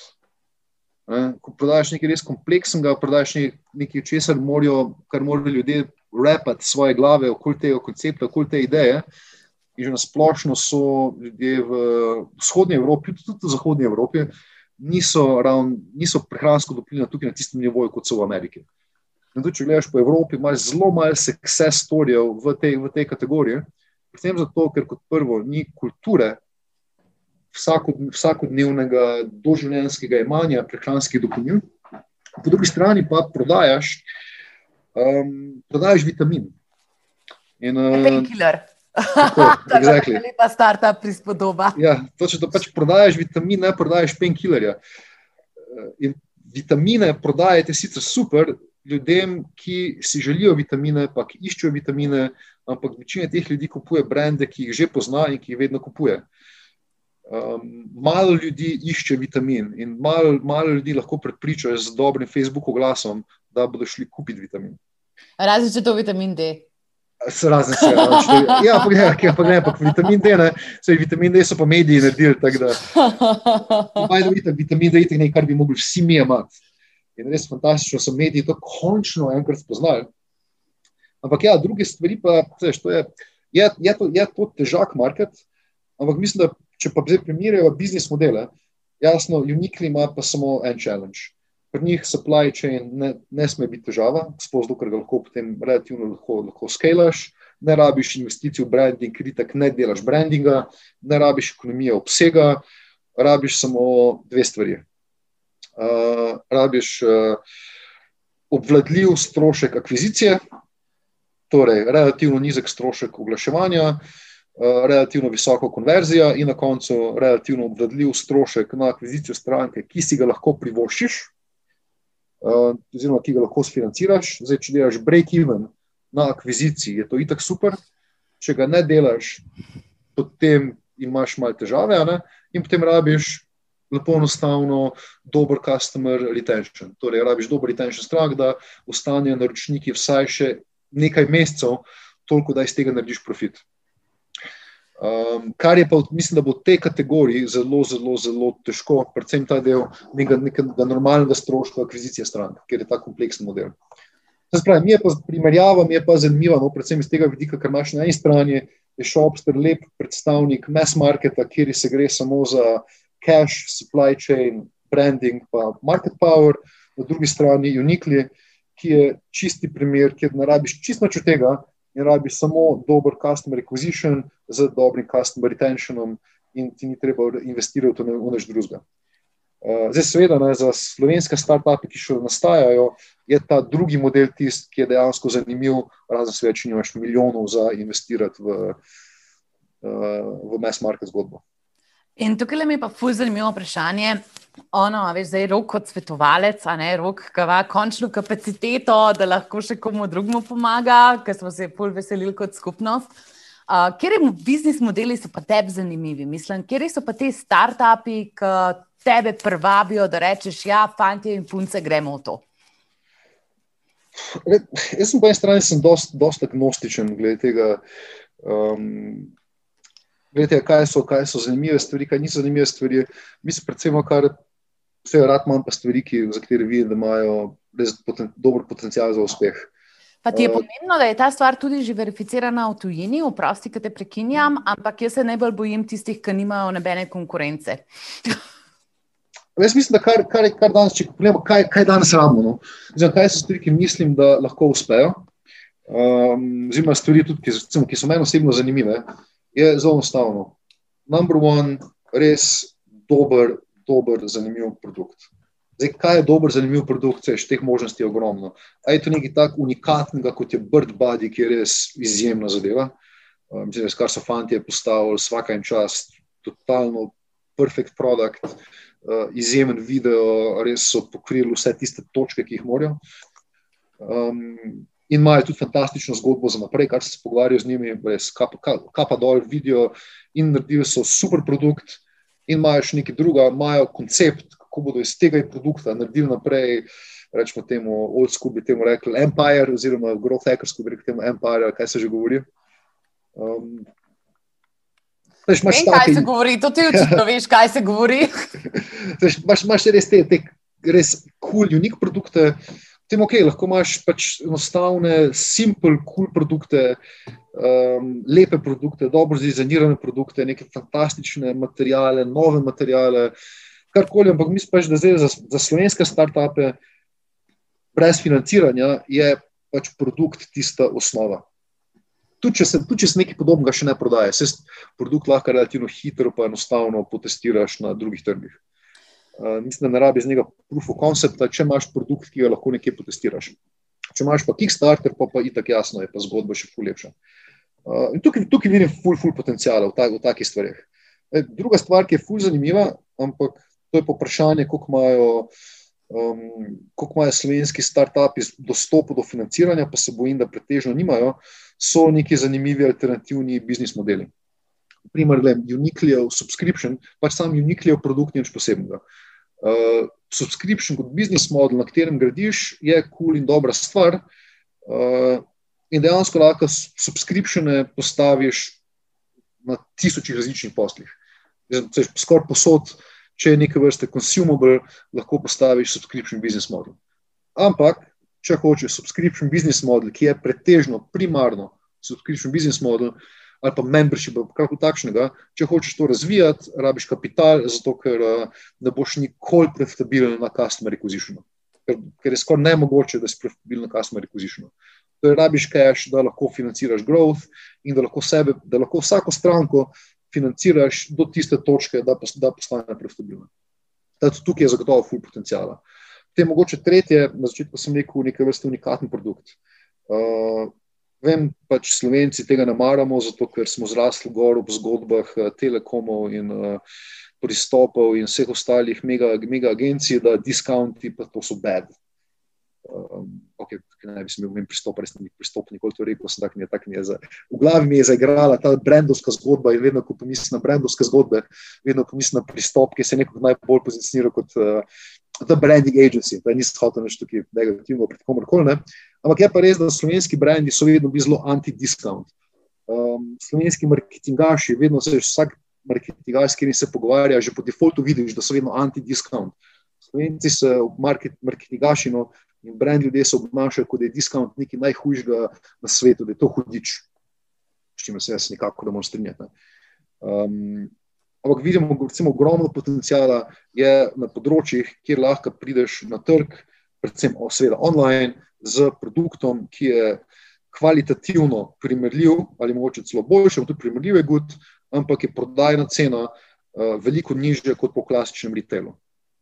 Pa se ti klasičen vertical integrated e-commerce startup, kjer izbrišeš vse tiste middlemene, ki si poberajo 40, 50, 60 odstotkov in greš direkt do stranke za veliko nižjo ceno. Uh, mislim, da je na price leader področju spet ogromno priložnosti, ampak spet vprašanje, če lahko to slovenske, če lahko to slovenske firme financirajo. Mogoče je to dobra priložnost za proizvajalce, ki so trenutno recimo dobri proizvajalci in delajo pretežno za druge brende, da začnejo razmišljati o svojih brendih, kjer so lahko price leaderi, ravno zato, ker izločijo retailerje ven iz, iz, iz te zgodbe. In tukaj, tukaj so, po mojem, ti potencijali, ki jih lahko v e-commerceu res dobro potegnejo slovenske firme in jih uh, poskelajo.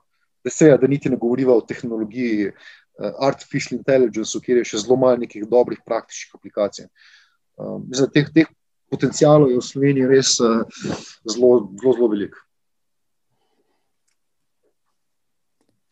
Pa, a si ti mogoče, le, jaz sem imela tukaj le pripravljeno vprašanje, kaj bi svetoval podjetnikom, ki se še lotevajo e-commerce. A sem videla že vse povedala, a imaš še kaj za dodati? Ne, vse je lahko poveš, fu stvari, malo sem jim hotela sprašovati o, o leadershipu. To, to, to, bo prišla do tega, ni panike, do okay. leadershipa, mi pa prideva, ni panike.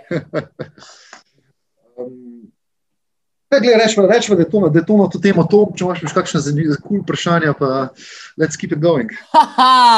In zate imam cel nabor presenečen. Se pravi, jaz sem včeraj, preden sva pač danes posnela podcast, sem pač v tvoji eni izmed priljubljenih skupin Growth Hacking Slovenija, kjer si prava legenda, vprašala ljudi. Se pravi, jutri intervjujem roka Hrastnika, kaj vas zanima, komentirajte in tista, vprašanja, ki bojo dobile največ pač teh upvotov, bom jaz vprašala. In rok, mava top 3. A si ti pripravljen? Ok, povej mi, kaj je, kaj je number one? V redu je. Tvoj prijatelj Matej Bešter iz, poslovne, uh, iz popolne postave te sprašuje, če se bi se lotil zdaj, če bi morali začeti od začetka. Ampak, si opazil, da sem jaz Mateju že direktno odgovoril uh, na mojem postu? Sem, ampak tega nimam posnetka, tako da prosim okay. še enkrat. Uh, torej, če se prav spomnim, smo napisali, uh, številka ena, zdaj naredil bi svoj food truck. Uh, številka dva, ne, številka ena je bil, da bi bil uh, wine and bike influencer. Številka dva, naredil bi svoj food truck in številka tri bil bi diet coach. Se pravi, te stvari, ki so zdaj relevantne v tvojem življenju, ti bi izhajal iz teh stvari, ki se zdaj rezonirajo s tabo. Mislim, da ne, ne bi šel delati kot biznis, ampak to, to bi bile fun stvari, to, to bi bile res kul cool stvari za početi. Uh, to bi bile dobre stvari za početi.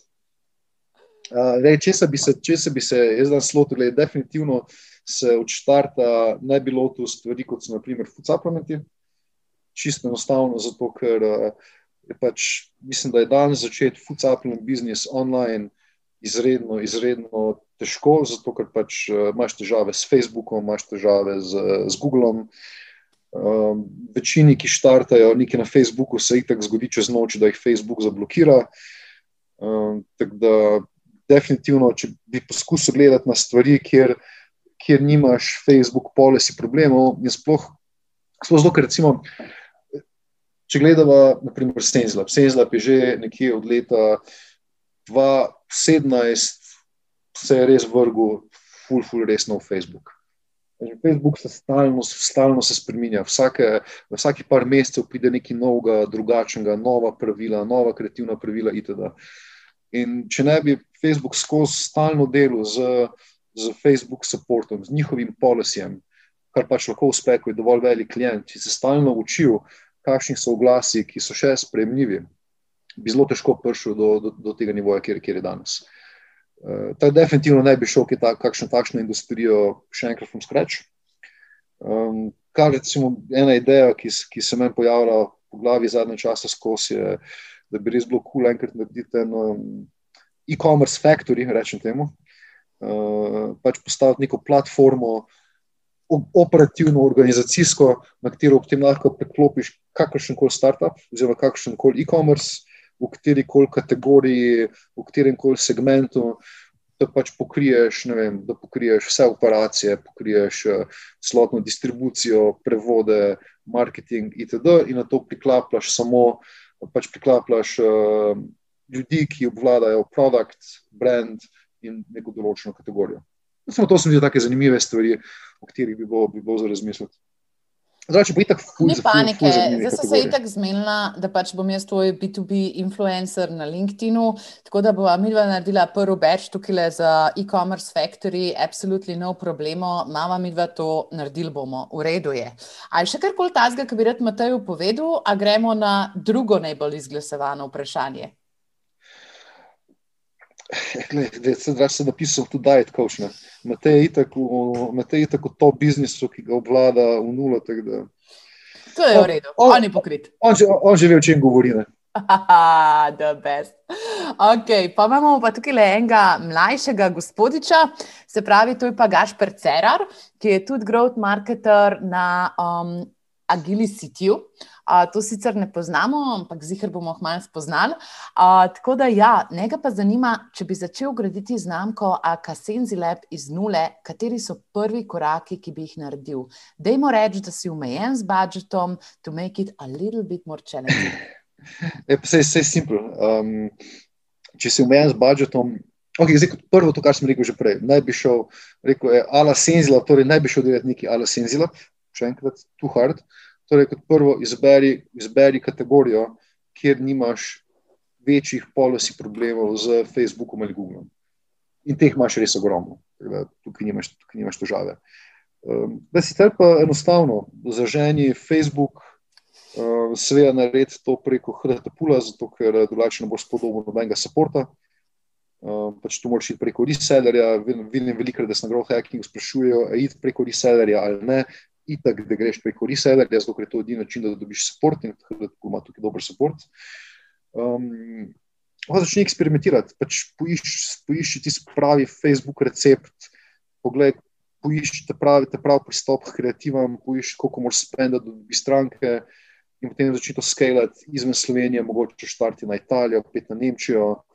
Um, jasno na začetku, da pač ni treba delati samo stvari, ki ni treba samo advertizati uh, for cash, oziroma plačevati za advertising. Um, čeprav moja logika tukaj je vedno bila, tudi kar sem pregovoril o lončih, ne, jaz osebno vedno preferiram to, da poiščeš skalabilen model. Kar pomeni, da že v štartu greš delati stvari, ki veš, da se ti morajo potem skalati. Da nimam, jaz nikoli nisem. Čeprav vem, da včasih se ti res splača delati večje produkt launche, absolutno se ti definitivno lahko dobro splača, ampak ko pa delaš nekaj novega, ki pa ravno ta, ta prva, ta prvo launch navdušenje, ta, ta prvi push ti velikrat zamegli pogled oziroma ti velikrat zamegli business model, ki mogoče potem pa ni več scalable. Ne, ker na koncu pač boš delati nekaj takega, kar boš lahko po skalu do x, do x cache. Um, teda, Ja, pa gledaj na začetku, ko si majhen, če nimaš veliko denarja investirati, ja, pet do influencerjev, pogovor se z njimi, dob takšne, ki ti bojo res uh, dobro delali, da jim free product, dob izjave, uh, pet na forume, deli pa se te osnovne stvari, da priješ do prvih nekaj tisoč evrov, ki jih boš politik začel dajati Facebooku. Uh, pač naredi vse, nared vse, kar lahko, vse gverila taktike, kar jih je, po katerih jaz danes nič več ne vem, poiš vse te možne brila taktike, da priješ do, do da snediš neko to cache, cache, uh, uh, cache uh, malho, ki boš pa začel dajati Facebooku, da boš ta biznis skenil. Ej, ful dober odgovor. Sam tako neizogibno se pa sprašujem, ono, če je za e-commerce oziroma za B2C ta gist na Facebooku, kje pa za B2B? A, nimam pojma. Ne. Z B2B, LinkedIn. Za, za, B2, za, za B2B LinkedIn. si zagotovil, da ti je stokrat boljši. Veš. Jaz te poskušam ogrevati, sabi še gledati. Si- Ti ti sto procentno verjamem. Ne, ne, ne, ne, ne, ne. Ampak, gledaj, fantastičen odgovor, pač tako full dobro, pač verificirane stvari, da best. In zdaj zadnje vprašanje prehaja od naše legende, od admina, od Simona Belaka, ki je med scientist na Metabaseu in sicer ga zanima pa tako eno tako vprašanje, ki je v bistvu dober uvod v zadnji modul najnega intervjuja.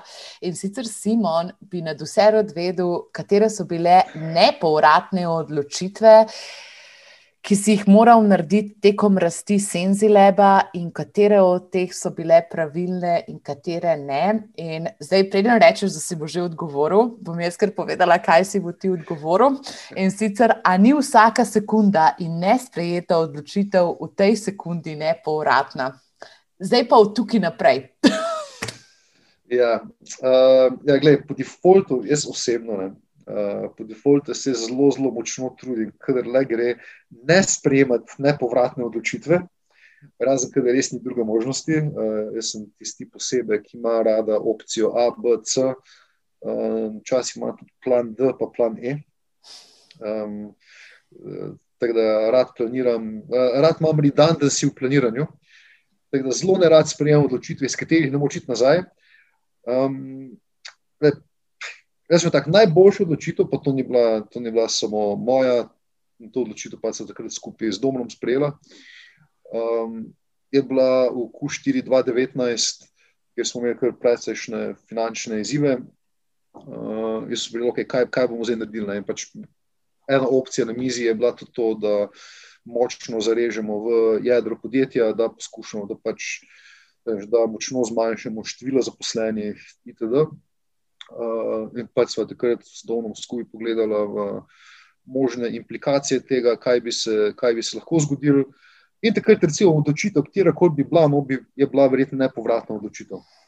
Um, pač odločili smo se takrat, da ne, da ne bomo zarezali v jedro, da sicer bomo zmanjšali določene stvari, kjer, kjer smo videli, da ne moramo biti profitabilni. Uh, to je absolutno pač tisto, kjer smo videli, da moramo stvari porezati, smo jih porezali, nismo pa v ničemer, kakorkoli globoko porezali uh, v to, kar smo naredili. In potem se nam je že nekje do decembra 2019 se nam je to izkazalo kot full, full pravo odločitev, uh, ker smo v tistih 3-4 mesecih res popravili vse stvari, kar smo jih lahko popravili, smo procese, spremenili smo firmo, v totalni fokus na EBITDA, uh, izrasti. Na to smo vse reporting prilagodili, nagrajevalne modele. Pač cel biznis smo uspeli turnaround, ampak takrat, ja, takrat smo bili na odločitvi, na odločitvi, ki bi bila nepovratna. Torej, če nam ne bi uspeli takrat vsega tega popraviti, bi verjetno zelo, zelo težko, bi, bi težko piskali, oziroma bi tenko piskali, naj, naj bi bilo kul. Cool. Hkrati, po drugi strani, če bi takrat uh, močno zarezali v jedro podjetja, bi pa verjetno se zelo težko kdajkoli še zares nazaj pobrali, ker veš, ljudje bi se začeli neizmerno bati, uh, firma bi postala padajoča firma, pač zapadli bi v eno tako težko, težko situacijo. Recimo, to je bila definitivno najboljša, mogoče nepovratna odločitev, ki se je pa v parih mesecih izkazala kot uh, absolutno najboljša. Počnemo, kaj pa podjetje prišlo leta že takoj v Q1, potem še naprej skozi korono. tako da Brez dvoma. Um, najslabša. Vem, mogoče je najslabša tista, ko smo se odločili relativno na začetku, da bomo z isto znamko, torej Senzilabom takrat, gradili tudi multi-channel oziroma pretežno e-commerce. Um, kar mogoče so se večkrat z domom pogovarjali, da mogoče bilo takrat boljše, da bi Senzila pohranili za lekarne, online pa gradili z novim brandom, ki ne bi ogrožal prodaje v lekarnah in v mass marketih. Uh, to bi mogoče takrat boljša odločitev, ker bi lahko usporedno še ful boljše razvijali lekarniški biznis, pa mass market biznis. Um, ja, da je pa nekih večjih nepovratnih odločitev, pa jih ni bilo. Pomojška pojenta je največja nepovratna odločitev, ki se vsem nam dogaja skozi, je minevanje časa oziroma zamude pri odločitvah. Naprimer, vem, to, da nismo prešli v ekspresno ekspanzijo trgov, da nismo prej začeli postavljati nekih novih dodatnih brendov, kot smo jih potem leta 2017 na prigovarjanje par naših menedžerjev. Uh, da nismo prej začeli razvijati beauty portfelja, da nismo prej naredili X, Y, Z, oziroma A, B in C in kaj takšnega. Pač vsak dan, ki mine, mine nepovratno. Uh, zato je jasno, da je uh, dobro ne odlašati s pametnimi odločitvami. Problem je samo to, da, pa, da za pametne odločitve vemo, da so le pametne samo v hindsightu, oziroma neko bi temu rekel v slovenščini. Ne. Ampak smo, ko gledamo za nazaj, vemo, da so to pametne odločitve. V retrospektivi. Ja, v retrospektivi, tako hvala. Tako da, da verjetno ne ima smisla za nazaj sekirati pa tebe, glede teh odločitev, ki jih nisi naredil pravočasno.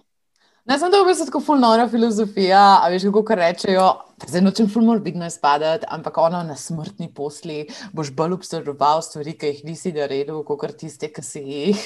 In ja, ta tvoja filozofija, ta tvoja logika, ki si jo zdaj le pojasnil, mi je dala zdaj le prav pač tako malo, kako se reče, veter v krila, da tudi jaz zdaj le čez podaljšan vikend mogoče naredim nekatere projekte, ki so že dve leti v predalu. Tako da ja, to je bil zelo, zelo, zelo dober fuš, to je bilo fenomenalno.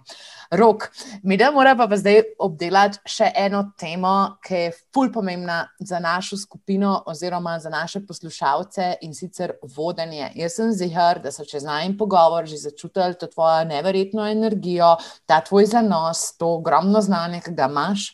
Vsem pa se probava dotakniti še mečkim sistemskih zadev, se pravi, kako si se ti razvil kot vodja in kaj so bile te ključne ugotovitve ki si jih sprejel na tej poti. In greva nazaj v čase študija moderne, tam pač kogarkoli jaz poznam, ki je hud, je skupni imenovalec, da je delo z rokom Hrastnikom. Pa zdaj se ti ne prilizujem, ampak to je pač empirično dokazano, ono pač ko kogarkoli dobim. Ja, tako, ker se pogovarjam z ljudmi, a veš, jaz se ful pogovarjam z ljudmi. Um, ne, ne, ne, ne, in pač tako, kogarkoli, ki vem, da je pač res tako top ekspert, je imel v studiu moderni vsaj neki stičnih točk s tabo kako se je tam naredila taka valilnica talentov, toliko močnih ljudi, ki so potem dejansko čez desetletja, čez desetletja se zdaj pogovarjava, ohranjali ta karjerni razvoj. Kaj je bil ščepec skrivnosti? En, kot, kot prvo, ko sem začel takrat, da je bilo to leta 2004, postavljati ekipo na študiju Moderna. Takrat v Sloveniji praktično ni bilo ljudi, ki bi se ukvarjali z tistim pravim direktnim marketingom online. Um, pa to sem prav specifično rekel z direktnim marketingom. Imeli smo takrat že ena, a mimo vrste se je začel postavljati, in oni so res bili ti mass market e-commerce heroji. Uh, postavljali so res fantastične stvari. In, zdaj, če govorimo o pionirjih, oni so bili tisti pravi pionirji e-commerce v Sloveniji. Najprej ena in potem mimo vrste. Ampak na študiju smo pa gradili, oziroma študijo že sam po sebi gradil čist drug model.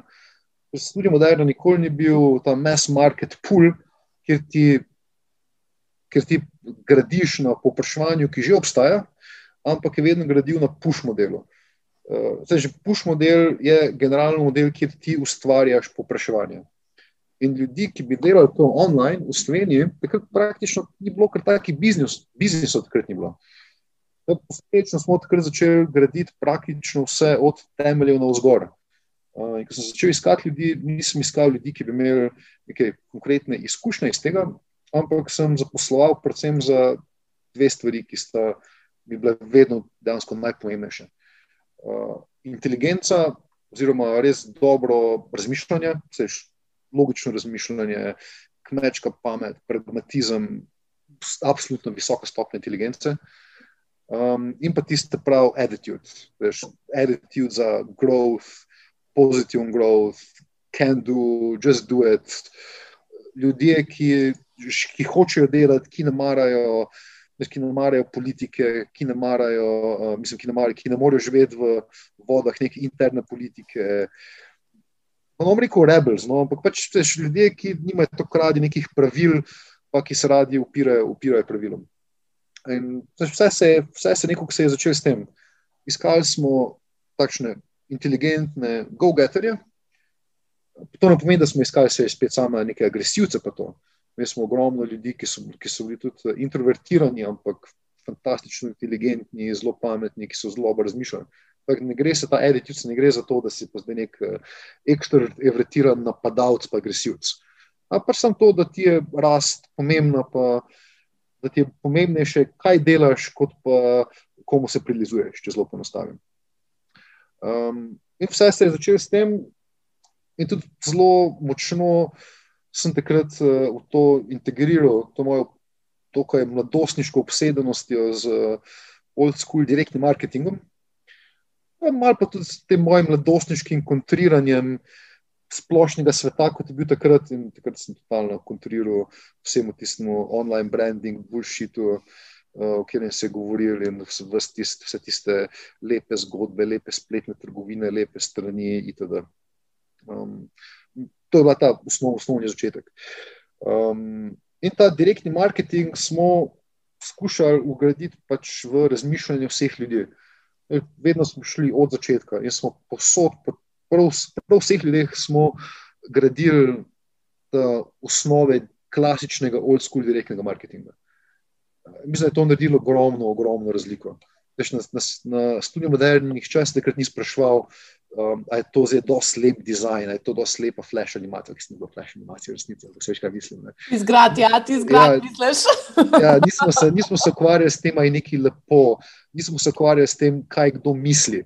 Pač vsako stvar, ko smo jo naredili, smo jo dali ven, smo jo pretestirali, smo jo, smo jo izmerili, smo jo po ABA testirali, uh, ni bilo prostora za mnenja, um, noben direktor, tudi Sandy ni takrat imel Um, okay, mislim, lahko bi si jo vzel, verjetno, no, ampak eh, nobenemu nismo pokazali, recimo, novega Top Shop Web Store ali pa novega Drumeo Web Store.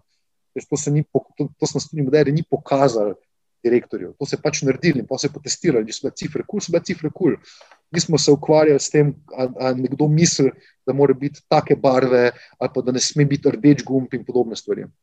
Uh, in tam je ta tretja sestavina, torej, če se reče najprej inteligentni ljudje s pravim attitudom, temelji direktnega marketinga.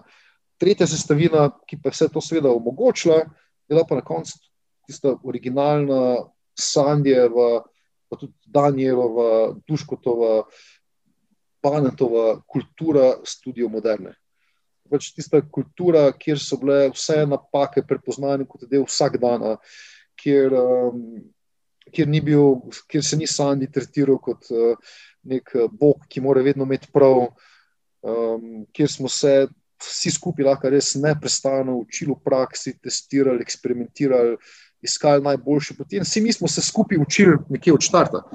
Tega, tega znanja prej ni bilo, mi smo mogli sami, sami zgraditi. Um, zato mislim, da so prišli študije moderne tako dobri kadri, pa to na vseh področjih, veš, ne ja. samo e-commerce, telemarketing, retail, wholesale. Pač, ja, podpora, um, kogarkoli veš, da je to moderni, ja. tako, there is 90 mislim, 90% so to ful dobri kadri. Ja, veš, ta prednost tudi moderna na splošno, zelo tudi moderna je bila pionir gradnje poslovnih modelov v Sloveniji, ki je imel za playground celo vzhodno Evropo in hkrati za vrhovnega šefa, štašnega norca, kot je bil Sandy, ki si je stalno izmišljal nove stvari in ki je tudi hkrati dopuščal, da če se s temi stvarmi nisi strinjal, da te je poslušal. In če sem rekel, da ne stane, to nikakor ne bo šlo, no fucking way. Ne? In da te, da te pri tem, tem poslušajo in upoštevajo in iz glave zdijo vodino skozi. Ali pa če pa je, je pa to doskrat naredil tudi s svojim, svojim cashom, najprej s cashom firme, ker je nekaj res hotel. To je res taka fantastična kultura. In veš, kako gledaš, ne, v splošno v vzhodnji Evropi je vsaj v tistih časih nastala relativno malo firm, ki bi same delale.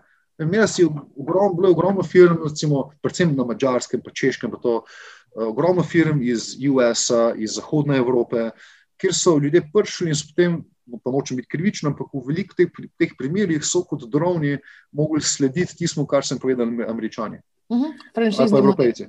Ja. Uh -huh. um, na študiju moderni smo pa vse mogli izumiti od začetka. In seveda, ko smo izumljali, smo naredili ogromno napak, seveda ogromno keša smo uporabili za te napake.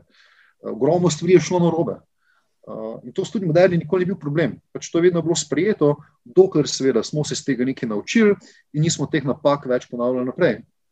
Uh, ampak fejli so bili sestavni del te kulture uh, in to je pač vsem nam pomagali, da smo se razvijali, pa gradili, pa da smo pač postajali stalno, stalno boljši. To je meni noro. Zaključmi s tem, kje leto je bilo to, zaradi tega, ker ta kultura, ki jo opisuješ, je še danes aktualna. Kjer ga leta ste vi to delali? Le, za moje, mislim, to, smo, to ste delali takrat praktično stalno. Začeli smo delati v 2004. Um, rabili smo par let, da smo postavili pravo ekipo, da smo se uigrali. Tisti te veliki super premiki so začeli delati nekje 2006, po mojem, in pa se pač stalno dela na tem. Zdaj, ne vem, ne vem kako, kako stvari izgledajo danes. Vem, da so tam še vedno fantastični ljudje, par je mojih ful dobrih prijateljev. Ja, pa dobro so tudi rastli oni lani, ne? Uh, prosim, še enkrat.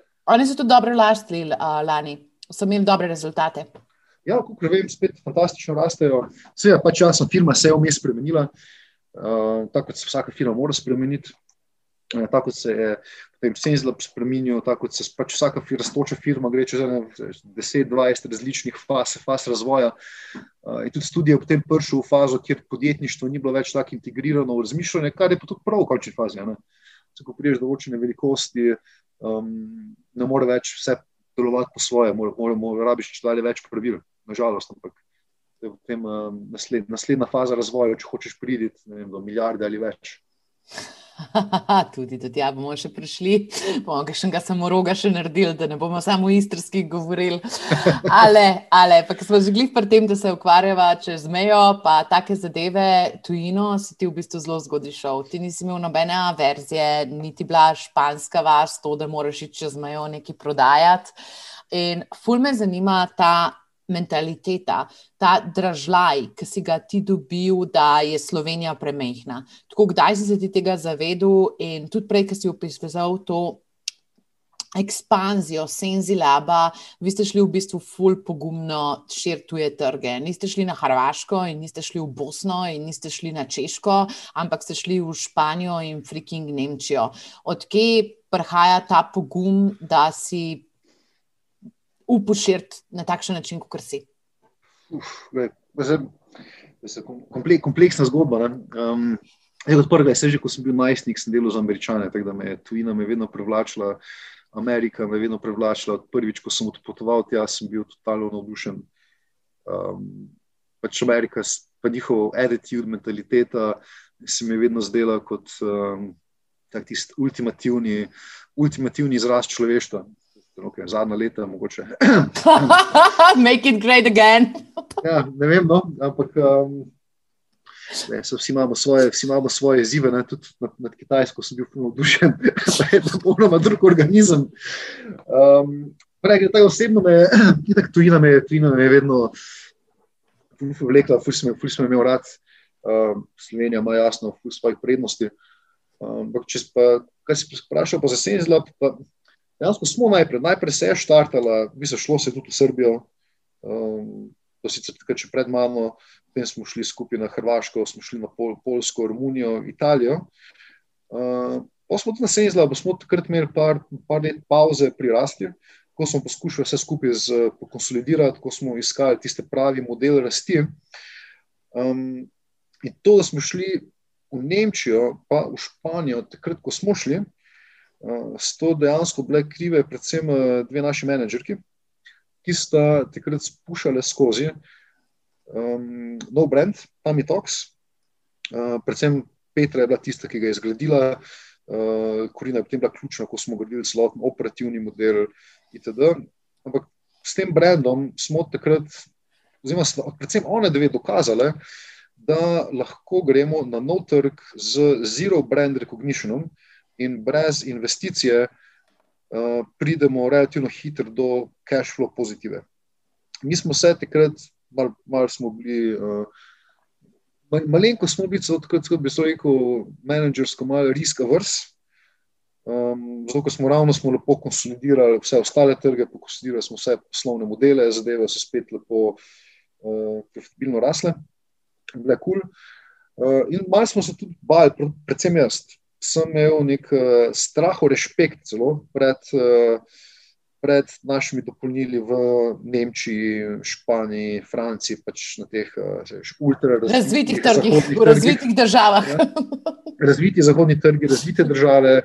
Kar sem imel v glavi še neke čudne blokade, ki so se mi naredile uh, po študiju moderni, um, kar ti spet gre povedati, pač vse je v mindsetu. Uh, Eh, takrat sem imel v glavi, po mojem, ko sem začel malo bolj študirati uh, še različne growth metode, growth brande itd., sem imel v glavi, da je smiselno iti na zahod, samo če imaš res nek unikaten, crazy izdelek, ali pa če imaš nek ultra disruptive business model, s katerim boš to postal totalni uh, owner marketa. Veš, to sem imel v glavi. In takrat sem imel tudi še, še drugo stvar, ki sem imel v glavi. Ne? Ne, marketing, mi moramo biti voditelj na marketing, kamor gremo. Seš, to je to, moš biti voditelj, drugače se to ne splača, da greš tja, brez veze. In to, to, je vse skupaj tako neumna, omejujoča prepričanja. Uh, potem smo pa naši menedžerji pokazali, da ni treba, da je tako, ne, da lahko naredimo nov brand, ki ima zero recognition, da lahko ta brand lansiramo na totalno novih trgih in da smo lahko s tem brandom, če ga se ga pravilno lotimo, da smo lahko s tem brandom dovolj hitro cash flow pozitivni.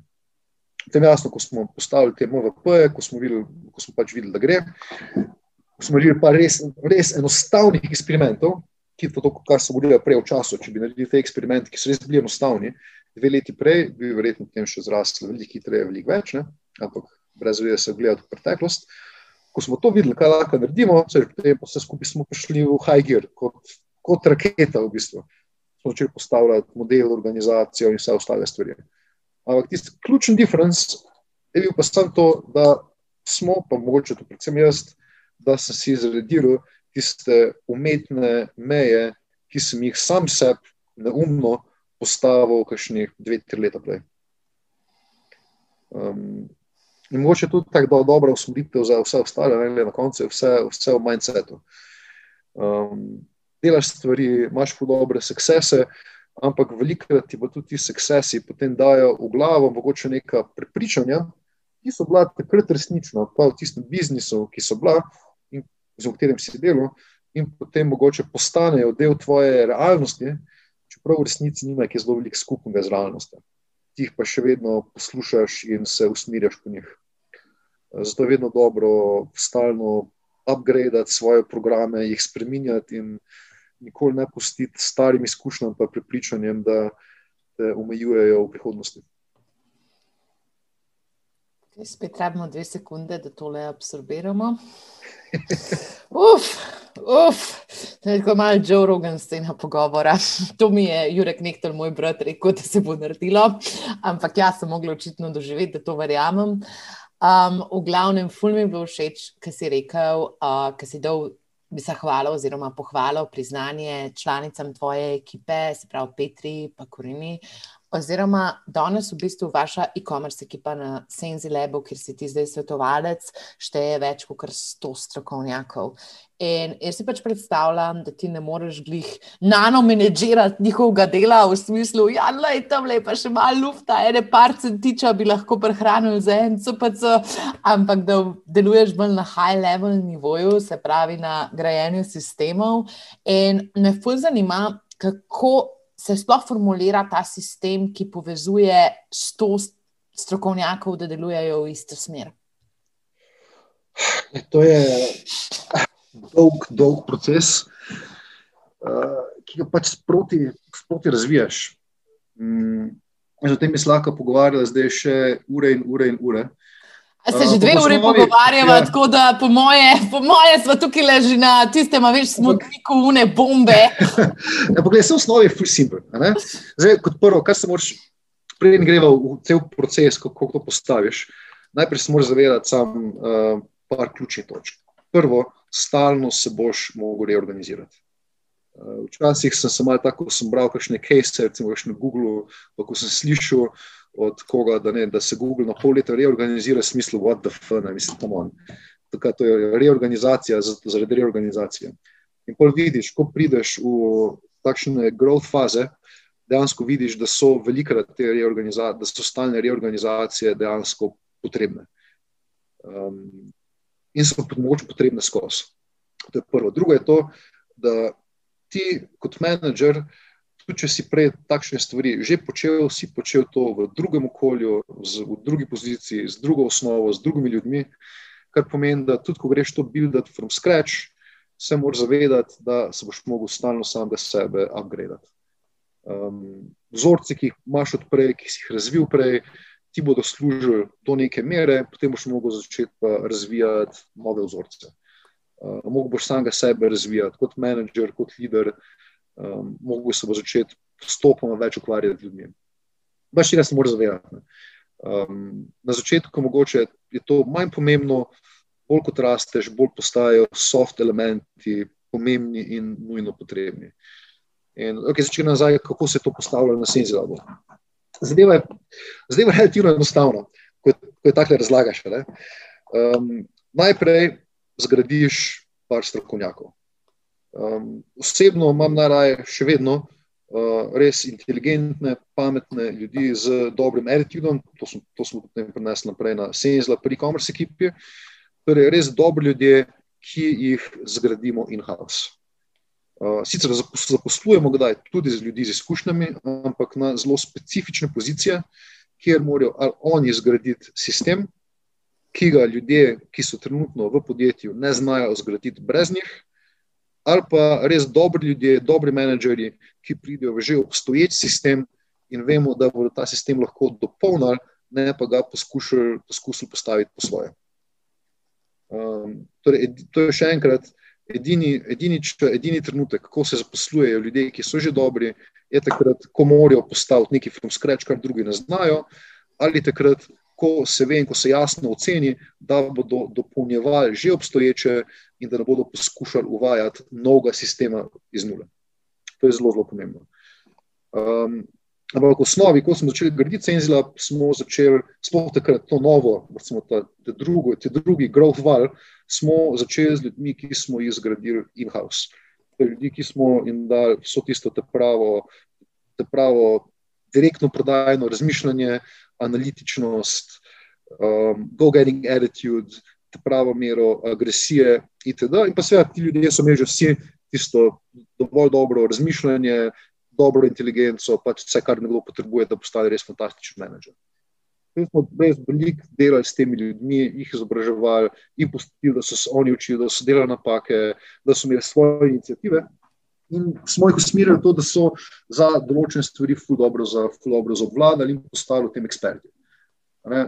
Sam, na primer, nisem nikoli uh, imel najmanjše želje, da bi bil ekspert v Facebooku ali praktično kjerkoli stvari. Uh, mogoče včasih še na začetku, tudi moderni, kot tega znanja ni bilo in sem mogel o tem sam razmišljati v zadnjih letih nisem nikoli hotel, naprimer, nisem hotel se karkoli ukvarjati globoko s Facebookom, hotel sem ga toliko razumeti, da lahko s temi menedžerji razmišljam, da jim, da, jih, da jim lahko pomagam razmišljati o tem, da jim postavljam težka zajev vprašanja. Um, ampak oni morajo biti na koncu tisti, ki pridejo do rešitev, ker oni so tisti, ki morajo obvladati ta kanal, ne jaz. Um, ne pa smo zgradili te, te prve strokovnjake, in ko je prišlo do rasti, smo, smo začeli zaposlovati nove ljudi, ki so jih, strokon, ki so jih te strokovnjake na začetku vodile. Um, takrat, seveda, so imeli nekaj malega management izkušnja, ampak zelo malo, ampak to ni bil tak problem. Veš, ko smo začeli, so dobile, recimo, takrat, recimo Petra Pokorila, vsaka je dobila eno svojo, eno svojo državo. Uh, potem se je vrnila še Kristina iz Porodniške, pa je Kristina dobila še eno dodatno, še eno dodatno državo in je furila naprej. Uh, Zdaj smo dodali tako, na začetku smo tem parim kor ljudem, smo dali nekaj dodatnih ljudi. Um, potem smo jim dali še nekaj več dodatnih ljudi. Potem smo začeli te kor ljudi izobraževati bolj za management, se z njimi ukvarjati bolj za management. Potem smo začeli, da okay, moramo zgraditi pa te dodatne podporne službe. Moramo zgraditi nekaj Google, moramo začeti graditi več na analitiko. Mi smo recimo tam poiskali te prave strokovnjake za stvari, ki takrat nismo imeli in-house. Naprimer, vem, za analitiko je prišla k nam Polona, ki je ena izmed absolutno najboljših analitičarjev, daljš na okrog in je postavila crazy, nore uh, reporting sisteme, za, za, ki, ki dejansko pomagajo podjetju danes, da se razvija tako, tako se razvija. Pa so prišli določeni strokovnjaki, ki so naprej razvijali razvija svoje področje. Mi smo samo sistematsko gradili to celo strukturo. Prišli smo ter novi ljudje, določeni so se razvili. Imamo na punco Evo, ki je začela najprej kot customer support agent, potem je postala online editor. Um, in potem je postala vodja online editorjev, in je postavila tako crazy procese za management, uh, za management 40 ljudi, ki menedžirajo 17 držav, 5 web storov na državo. Um, in tak sistem, da je tudi, ko mi ga skuša razložiti, ga, da ne poštekam. Pač, strokovnjaki, oziroma ljudje, ki potem tiste področje, ki so ključna, lepo, lepo razvijajo. Uh, in potem sama ta zadeva nekako organsko raste, pri čemer pa tež, stalno je pa potrebno stvari reorganizirati. Prijemo določene točke in vidimo, okay, ta, ta model več ne funkcionira. Dajmo razmisliti, kaj je lahko naslednji organizacijski model. Ok, dajmo zdaj stvari predstaviti na to. Šli smo torej iz tega, da imamo osebo, ki dela Facebook, e-mail, copy, prevode in web store management, vse ena oseba. Ok, ni več funkcionalno ker moramo razbiti na Facebook tim. Kako bo zdaj ta Facebook tim funkcioniral, kako bo, kako bo komuniciral z drugimi, kakšni bodo delni procesi. Ok, postavimo delne procese, stvari tečejo. Imamo težave, zato ker se naenkrat editorji počutijo manj vredne od, od Facebook advertiserjev, ker je to več fokusa na Facebook. Okay, moramo torej redefinirati to vlogo, moramo pomagati editorjem, da se bojo bolj počutili, ker editorji so itak ključnega pomena. Veš, ker brez editorja so tisti backbone, ki skrbi, da dejansko vse to funkcionira. Če se ukvarjaš s tem, um, greš naprej, spet dodaš nove brende. Misliš, ok, če hočem zdaj dodati še 3, 4, 5, 10 novih brendov v naslednjih letih, kako moram zdaj oblikovati organizacijo, da bo lahko to učinkovito požrla. Naredi spet naslednjo reorganizacijo. Hkrati rabiš ljudi, ki, ki pomagajo tvojim dosedanjim menedžerjem razvijati nove procese, če menedžerji do tega še niso počeli kar pač pomeni, da pripelješ noter ljudi, ki so dobri v določenih procesih, ali ki so nasplošno dobri v postavljanju procesov. In pač tako razvijaš organizacijo step by step. Na koncu, seveda, absolutno priješ do, nekih, do neke točke, kjer um, je če dalje več konflikta med ljudmi, ker v vsaki večji organizaciji, seveda, imaš več konflikta, se začneš ukvarjati bolj aktivno z reševanjem teh konfliktov, pripelješ noter ljudi, ki so malo, ki so malo boljši v HR-u, začneš kočati menedžerje, da rešujejo konflikte, začneš tim reševati konflikte, ki nastajajo med menedžerji. Včasih ti kakšne ljudje odpadejo, odvisno pač tega, kako se odločiš, da boš furil firmo. Naša odločitev takrat je bila, da bomo furili firmo iz vidika, moramo reči, neke vrste hippie love, torej da, da dejansko ljudje dobro, produktivno sodelujejo drug z drugim in da nočemo troublemakerjev, Vse, ni nobene težave s troublemakerji uh, iz strokovnega vidika, ampak nočemo, um, rečemo, temu, uh, drama kingov ali queenov, nočemo ljudi, ki delajo dramo, nočemo internih zdraharjev in takšne ljudi pač zdaj po tekočem traku se njih poslovimo. Zdaj jih trudimo že naprej ugotoviti, če so kakšni takšni potencijali in jih sploh ne zaposlimo. Um, in enostavno razvija, predvsem, predvsem se potem razvijajo menedžerji, coachajo menedžerji, um, ki se morajo stalno nadgrajevati in postajati, postajati boljši. Potem ti prihajajo podjetje novi menedžerji, ko priješ do določene velikosti, um, seveda ne moreš več graditi menedžerjev iz nule.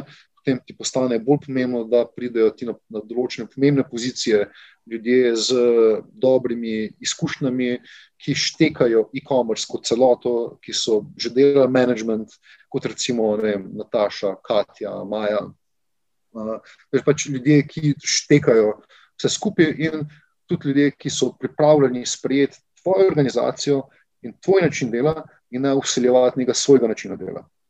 Ker to, je, to smo vse ugotovili tudi prej, na študiju moderni, večkrat. Ne, da, fino je imeti strokovnjake, ki so res dobri na določenih stvarih. Ampak ni pa fino imeti ljudi, ki, pridejo, ki pridejo v firmo, Uh, in da naenkrat se čutijo poklicane za to, da ti obrnejo cel tvoj sistem na glavo, ja. ker mislijo, da je njihov sistem boljši. Ej, to imamo tako eno fulgenialno besedo za to, kar se reče galep. Pač, ko prideš v firmo in začneš srati vse naokrog. Fantastični izraz. Ne vodenje po sistemu galepa. Ne, res ne rabiš, ne? Ne, ne, ne, ne, ne. ampak ful, ful, ful, ful, honest je to, kar si rekel, zaradi tega, ker, ja, tako kohezija se more, um, se morajo vzdrževati. In jaz se fulj spomnim tega kulturnega kodeksa, ne vem pač od Netflixa in fulj se spomnim pač tudi, kako je. Mislim, tako grdo se sliši, da firma ne bi hotela vzeti najjačih seniorov, kot so na trgu. Pač neracionalno se sliši na way. Ampak pa, pa pomisliš iz vidika kulturja in kako se v bistvu obstoječe sisteme lahko pač tako popolnoma zjebe, ampak res pač totalno granato lahko dobiš v firmo, ko dobiš nekega arogantnega človeka, ki ti hoče vse obrniti na glavo. In pač tako, lej, več kot očitno si šel že čez take procese, in več kot očitno je to tvoj leadership message, da pač ne pustiti tega, še posebej pa ne na kakšnem fragile sistemu. A sem jaz to prav interpretirala? Sto procentno prav, sto procentno res, to nikoli, to nikoli ni dobro. Um, pa tudi ne, pa tudi ne, če, ne, ne samo če je fragile sistem, ne, mislim, da kjerkoli sistem, ne, firme na koncu, firme, usmino, uspešne firme, uspešne firme niso, uh, uspešne firme niso, kako bi rekel temu, um, niso odraz enega človeka ali pa dveh ljudi ali pa treh ljudi, ki vsak po svoje nekaj dela ali pa ki prije za en nov pa začne fu neke genialne stvari furati. Uh, uspešne firme v večini primerov so dobro delujoči sistemi, ki delujejo kot sistem in ki se stalno kot sistem izboljšujejo, postajajo boljši, reorganizirajo, preoblikujejo in rastejo kot sistem. To ne pomeni, seveda, da, ni, da v sistemih ni prostora za individuum, vsi, vsi smo individuumi. Um, recimo, ko je prišel črt, ki si ga prej imel, ko je prišel ja. črt na Senzila, bi prinesel ful dobrih stvari, ful dober je, je nadgradil določene stvari in še vedno določene stvari, zelo dobro nadgrajuje. Ampak um, on jih dograjuje na tisti način, veš, ki, je, ki je dopolnilen, ki dodaja in ne podira tistega, kar je, kar je že. In za ta inteligenca je tista ključna pri ljudeh. In gled, tudi sam sem velikrat, recimo na IPROM-u, nastopil, jaz iz popolnoma tega izga napačnega pristopa uh, recimo, rečemo temu galebijega pristopa. Lovit, prosim, ja. vzem ta termin sabo, zato da ti vse sliki lahko damo tega ja, podcasta. Prosim, v svoji besedi galepa. Ja, tudi, tudi sam, sem, sam sem bil galeb, ko sem bil mlajši, pa bolj neumen. Ne. Um, velikrat se moramo ljudje tega navaditi, pa naučiti, da je ego, ego is not the way to go. Sem veš, nekaj tega ti pride tudi, tudi skozi uh, old fartiness, kako bi, bi se izrazil. Čez leta, čez leta. Ja. Ker zdaj imam že 19-letnike, ki vejo vse v življenju, veš. ja, ja, ja, ti smo, smo bili, naj, smo bili najhujši. Ne, ja, če smo bili, res smo bili. Ja, ja. Kaj, vse smo vsi bili isti. Na koncu smo dejansko vsi bili isti. Ma ne, pa se še tako pogleda za nazaj, veš, tako, mislim, vse ima svoj razlog, vse ima svoj namen, ker če pa ne bi sanjali, če pa ne bi imeli takrat tega svojega, mislim, drznosti, pa verjetno ne bi niti slučajno prišli do tukaj, kot smo danes. Tako da ja, vse ima svoj namen, ampak ni vse najboljši fit za organizacijo. To je praktično, po moje, edina stvar, ki jo hočeva povedati. Absolutno, absolutno. Uh, pač bi rekel, da za takšne, za 19-letne najprilagodljivce, je verjetno veliko boljša izbira iti delati svoj startup ali pa iti v eno organizacijo, ki točno takšnega išče, oziroma ki išče nekoga, ki bo nekaj od začetka postavil, pa si zobe polomil. Krasno, krasno, the best. Ej, pa pa ful, ful, ful, ful, ful. zdaj počasi že zaključujeva, zaradi tega, ker pač tako jaz sem izkoristila tvojo prijaznost, da snemava do konca. Ampak ne bom te še čist spustila. Se pravi, kar se tiče vrhunskega talenta, ti si v svojo firmo pritegnil res toliko veliko ljudi, ki so bile legende na sceni že prej in pač tako res iz vidika employer brandinga in z tega tudi, kako jaz vem, da si ti osebno potrudil, da si kot direktor v tistih časih pač tako delil te oglase za zaposlitev in da si, mislim, iskal, kje je ti pravilen talent za te, za vašo organizacijo na trgu. Um, kaj bi rekel, da so te ključni elementi tega, da podjetje pritegne vrhunski talent? Kot prvo, zagotovo, uh, vrhunski sodelavci. Uh, jaz sem bil, sem bil zelo ponosen na to, da, ja, točno kaj si rekel, da smo uspeli in takrat na Studio Moderno in na Senzila pripeljati res fantastične ljudi, ki super vodijo, ki super vodijo svoje področja, ki so ne samo strokovnjaki na svojem področju in dobri menedžerji, ampak uh, so dejansko dobri vodje. Veliko teh ljudi je prišel pač tak, ne vem, sem bil na, recimo, bil na SMK-ju, se mi zdi, pa uh, je Nataša predavala eno, en, en case, ko je bila še na OptiWebu, pa poslušam ta case, pa se že pa, pa, pa sprašali, um, kaj je bila pa tvoja vloga, potem pa čakaj, da je ona razvijala ta case skupaj s klientom. Zdaj, fuck it, tako, tak, takega človeka pa rabimo pri nas. Ne? In pa sem se začel aktivno truditi, kar je trajalo še dve leti, se mi zdi. Ampak to je meni fascinantno pri tebi, zaradi tega, ker sem freaking ista. Jaz pa sama sebe poimenujem za kapitana Nemota in pač, ker jaz najdem mobidika, jaz sem lahko tri leta, štiri leta na njih, če je treba. Ni e, problema. Ni veš, problema. Veš, koliko časa sem rabo za črta? Povej. Ja, mislim, da štiri leta skoraj. Po mojem, sem se, sem se štiri leta štiri leta sem se trudil, mislim, ne skozi tako malo pinga. Tako, ja, ja, ja, ja, ja, držiš lupo. ja, gled, črta si že kaj zdaj razmislil, je po mojem, po mojem bi že bil tako malo čas, ne, da premisliš pa to. Ne. Um, ja. Včasih pa kakšni, kakšni ljudje te tudi, tudi sami najdejo. Um, Vse malo mal, mal gre čez, pri, čez priporočila ljudi, ki so že pri tebi. Uh, kdaj te pokliče, kakšen, uh, kakšen prijatelj ali pa znanka iz uh, Outfit Sevena, pa ti reče, da ima enega fuldobrega človeka, sam, da se ni vklopil v njihovo kulturo, da se jim pa zdi, da za mojo agresijo bi bil, bi bil pa, ali pa bila te prava. Uh, pa se tudi tako najdemo.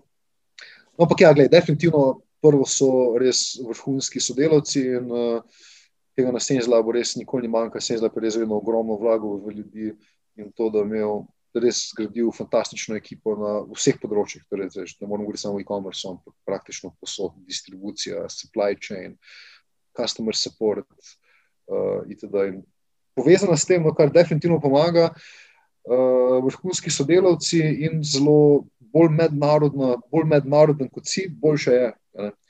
Uh, na Senzilabu, ko smo na zadnje štiri leto in pol nazaj, po mojem, uh, smo našteli, da, je, da so na Senzlabu ljudje iz 25 različnih držav. Um, kar je definitivno neke vrste svoja, svoja privlačnost. Ne? Da, da lahko delaš z ljudmi iz 25 držav, različni jeziki, da priješ v firmo, kjer se govori na, za eno mizo slovaško, za drugo uh, rusko, za, tre, za tretje indijsko, itd. Uh, Kamor celo, celo par indicov. Eh, to, to je vse, vse dodana vrednost. Um, potem firma mora biti absolutno prepoznana kot cutting edge. Uh, to je bilo, kar se tiče e-commerce, je bila to definitivno moja vloga skozi vse tiste growth hack poste v preteklosti.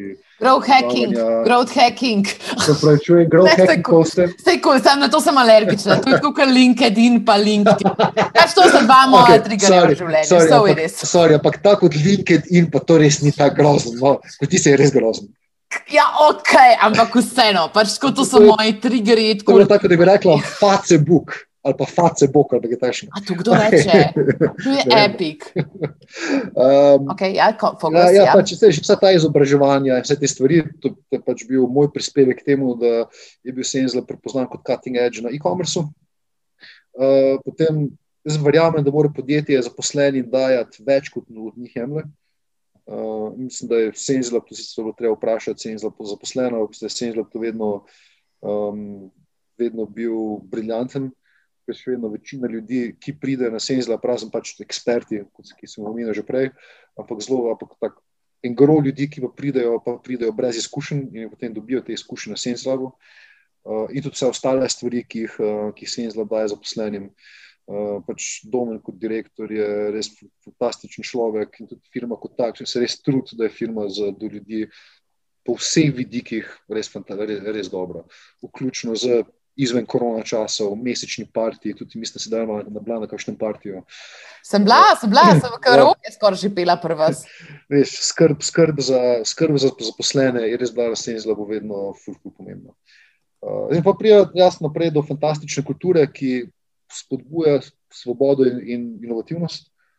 Uh, če hočejo še res dobri ljudi, jasno, ti ljudje rabijo določeno mero svobode in da bi možno, da da so inovativni.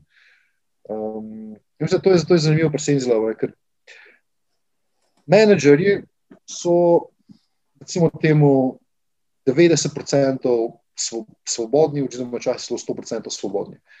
Nihče ne vpraša menedžerja, oziroma noben, noben menedžer ni treba reči za approval, za kakšne koli koste, čeprav še vedno včasih vprašajo.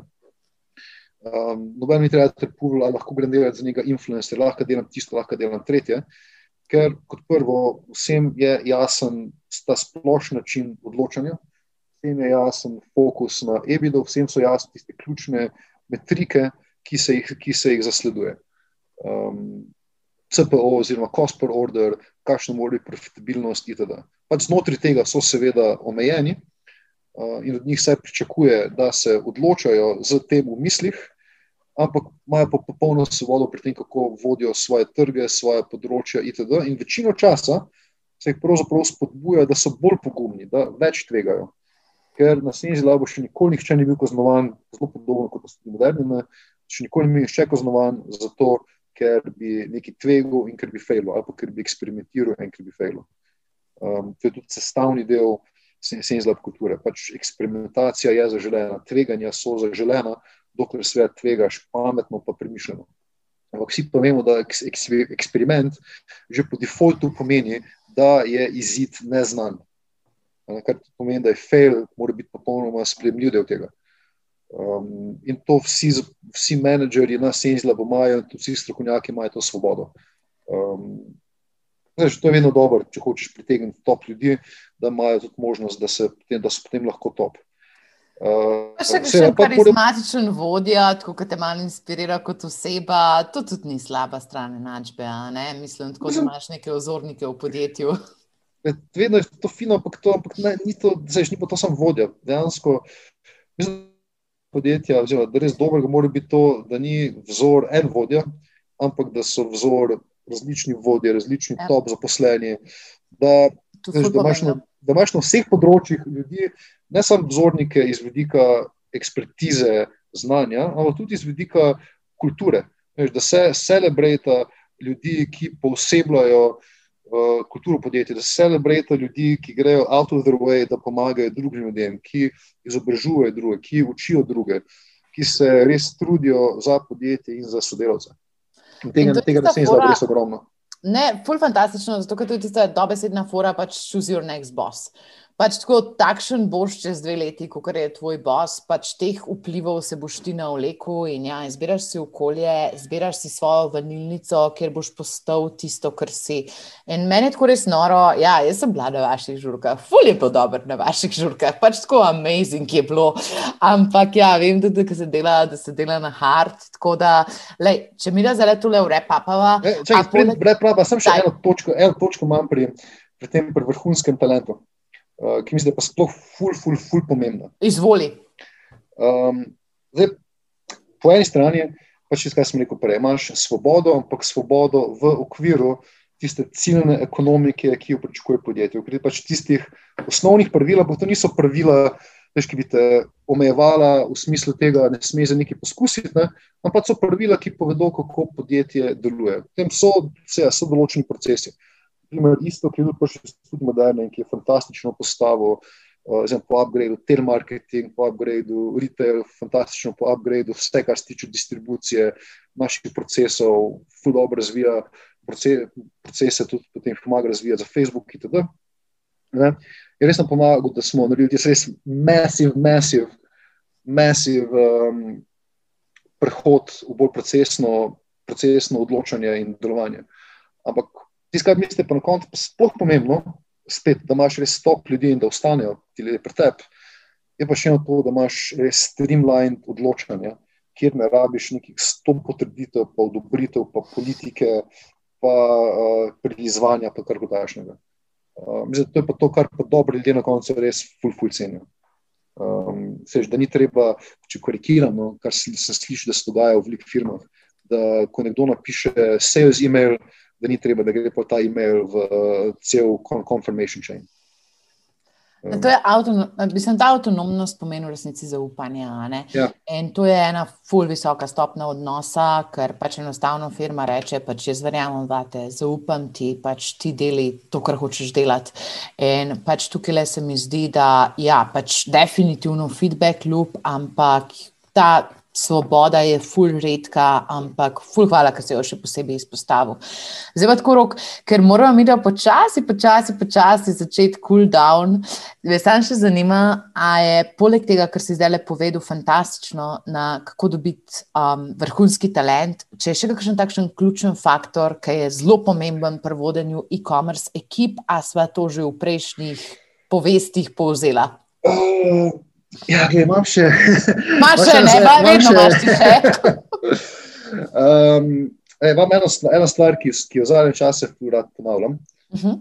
um, in ko kočam menedžerje, in ko se pogovarjam z drugimi menedžerji, um, razpoščam, ko razmišljam o e-commerce, in tukaj malo gledam, ko delam re, retrospektivo stvari, ki smo jih skupaj naredili v zadnjih letih. Um, in tukaj moram spet še enkrat omeniti. Uh, isto, kak je bil full dober, tako full dober um, counterbalance mojemu kaosu, pa agresiji, pa agilnosti. Uh, in isto, ki pa uspel prenesti tisti bolj um, sistematski, procesno orientiran pristop. Kar je itak jasno, potrebuješ, potrebuješ oboje, potrebuješ kaotično agilnost, pa agresivno rast, po drugi strani potrebuješ uh, procesno umirjenost, itd. In, uh, rad, rad rečem v zadnjem času, no, da je uspeh v e-commerce funkcija res prve kombinacije štirih stvari. Pametnih KPI-jev, ki firmo pač vodijo tja, kamor firma želi priti, ali je to zdaj EBITDA optimizacija, EBITDA growth, revenue growth, market leadership, ekonomija obsega, da boš največji mass market player, whatever. Pač, da imaš postavljene tiste KPI-je, ki te do tja pripeljejo, mislim, da ti bo že temu rekla North Star metric, ampak ni sam, da govorim samo eno metriko, ampak pač tistih par ključnih, ki ko rečeš v firmi, ok, zdaj je pa naš general CPO, je prišel na ta, ta procent in firma ve, ne, we, have to, we have to improve this now, ali pa ko firma, ko firma vidi, da je general CPO tak pa tak procent, da vsi rečejo, jaz, čas, da odpremo šampance. Um, In da vsi vejo, kako se njihovo delo navezuje na te KPI-je, kar mislim, ni nič drugače od tistega, kar ti predajaš v growth hackingu. Uh, potem, ja, jaz to delam, jaz sam ne predavam, jaz to delam. Rekli, to je tako delaš posod. Uh, potem navezava tega na pameten nagrajevalni model, ki ti prije čim bližje, ki vsega zaposlenega pripelje čim bližje tem končnim ciljnim KPI-jem, kar seveda jasno ne pomeni to, da imaš vse zaposlene nagrajene na EBIDO, čeprav velikih imaš na koncu. Uh, ampak da, pač, ne vem, da imaš nekega Facebook advertiserja, nagrajenega na KPI-je, ki pač so najbližji njegovemu prispevku k temi ebili, če je bila tvoj cilj. Um, potem pametni procesi, oziroma res dobri procesi, s katerimi lahko skalaš organizacijo, ker organizacija ne moreš skalati brez procesov. In pa na koncu pa ta crazy, kaosna agilnost, ki ti pomaga, da se stalno razvijaš, upgradaš, da izkoriščaš priložnosti, Uh, in da se pač stalno spremeniš. No? Da KPIs plus nagrajevalni model, plus procesi, plus agilnost. Um, to je rekel, da je tisti ključen, ključen, uh, ključen recept za e-commerce success. Noro, in dobili smo štiri faktorje, da ne bomo vedno, veš, naj stvari so tri. Jaz tako mislim, da imam tako, mislim, moj situation point tebe, pa ne zato, da te ne bi pač obožvala kot osebo, ampak tako približno enkrat na leto imam jaz lahko tako intenzivno interakcijo s tabo, zaradi tega, da potem lahko do naslednjega leta jaz vse to nadživim in da gradim in take stvari, zato ker ti ljudci res pač tako ful pred svojim časom in pač tako stvari, ki jih delaš, so insane in, in ni lahko absorbirati vsega, ampak ful velikrat se spomniš nazaj na stvari, ki si jih ti rekel. Pač tako tista stvar, ki si jo ti napisal leta 2019 o Kitajski, pač tako se vali po mailih od firm kot primer za to, kako ti razmišljaš in kaj ti delaš. Tako da, klele, lej, ne vem, kaj delaš, pač, ampak res imaš tako nenormalen vpliv na sceno. Ej, zdaj gremo pa mi na ohlajanje in sicer, ful veliko se je pogovarjala o poslu, skozi se je pogovarjala o poslu. Am ampak verjetno imaš na dan tudi kakšno uro ali dve prostega časa. Kaj pa poleg posla ti še počneš, kaj te veliko pomeni? Ful stvari, ful stvari. Um, eh, definitivno uh, žena, kuhanje, kolesarjenje, potovanja, hrana, vino. uh, neizbežno pol po hrani in vinu um, hujšanje. Uh, na leto, po mojem, izgubi mene vsaj 40 kg, do 45 kg znotraj enega leta, pa jih nazaj pa dobim. Um, Prej pa mir, pa mir, pa svoboda, to mi, to mi če, če dalje starejši, ko sem, več mi, več mi te stvari pomenijo. Uh, ne, všeč, mi je, všeč mi je, da lahko grem sred dneva kolesariti v kolesarski sezoni. Uh, všeč mi je, da smo odkrili remote work in da lahko zdaj kar naenkrat, uh, pač ti, mi, tisti, mi, ki imamo to srečo, no, nažalost, nimajo vsi te sreče, uh, pač tisti, ki imamo to srečo, da lahko zdaj greš, ne vem, jaz predstavljam, da ko, bo se, da, ko se bodo val meje odprle, zdaj res kul. Cool. Ampak, ko smo malo meje odprli, da boš pač šel nekam, kamorkoli, uh, živeti za en mesec, boš tam malo bajko na okolje, pa še vedno produktivno delo. Um, tako da mislim, da te, te stvari v življenju so pomembne. No? Hrana, vino, kuhanje, to je super. Ja, jaz imam nobenih pritožb, meni se zdi to super opis, to, kar je pomembno v življenju. Ena tako lepa dolče vita, žoj, da vi. Pač to je to, to je to, kaj še drugega hočeš. Sam ja, tole kolo me je pa presedetlo, mislim, vse pač rabimo balansirati, ja, in vsak ima svoje športe, tako da lepo zvedem. To je samo čist, čisto pa upanen kolesar. A, uh, mislim, rejle delaš ali? Uh, Neškaj pretežno imam največ um, potovalnega kolesarjenja. Okay. Gre že eno, da, da pretlago, pretlago na bajke, pa pa ne, prekolesariš Provanco, Toskano, narediš krok okoli Majorke, malce greš malce čez hribe, krok okoli Sardinije, Sicilije.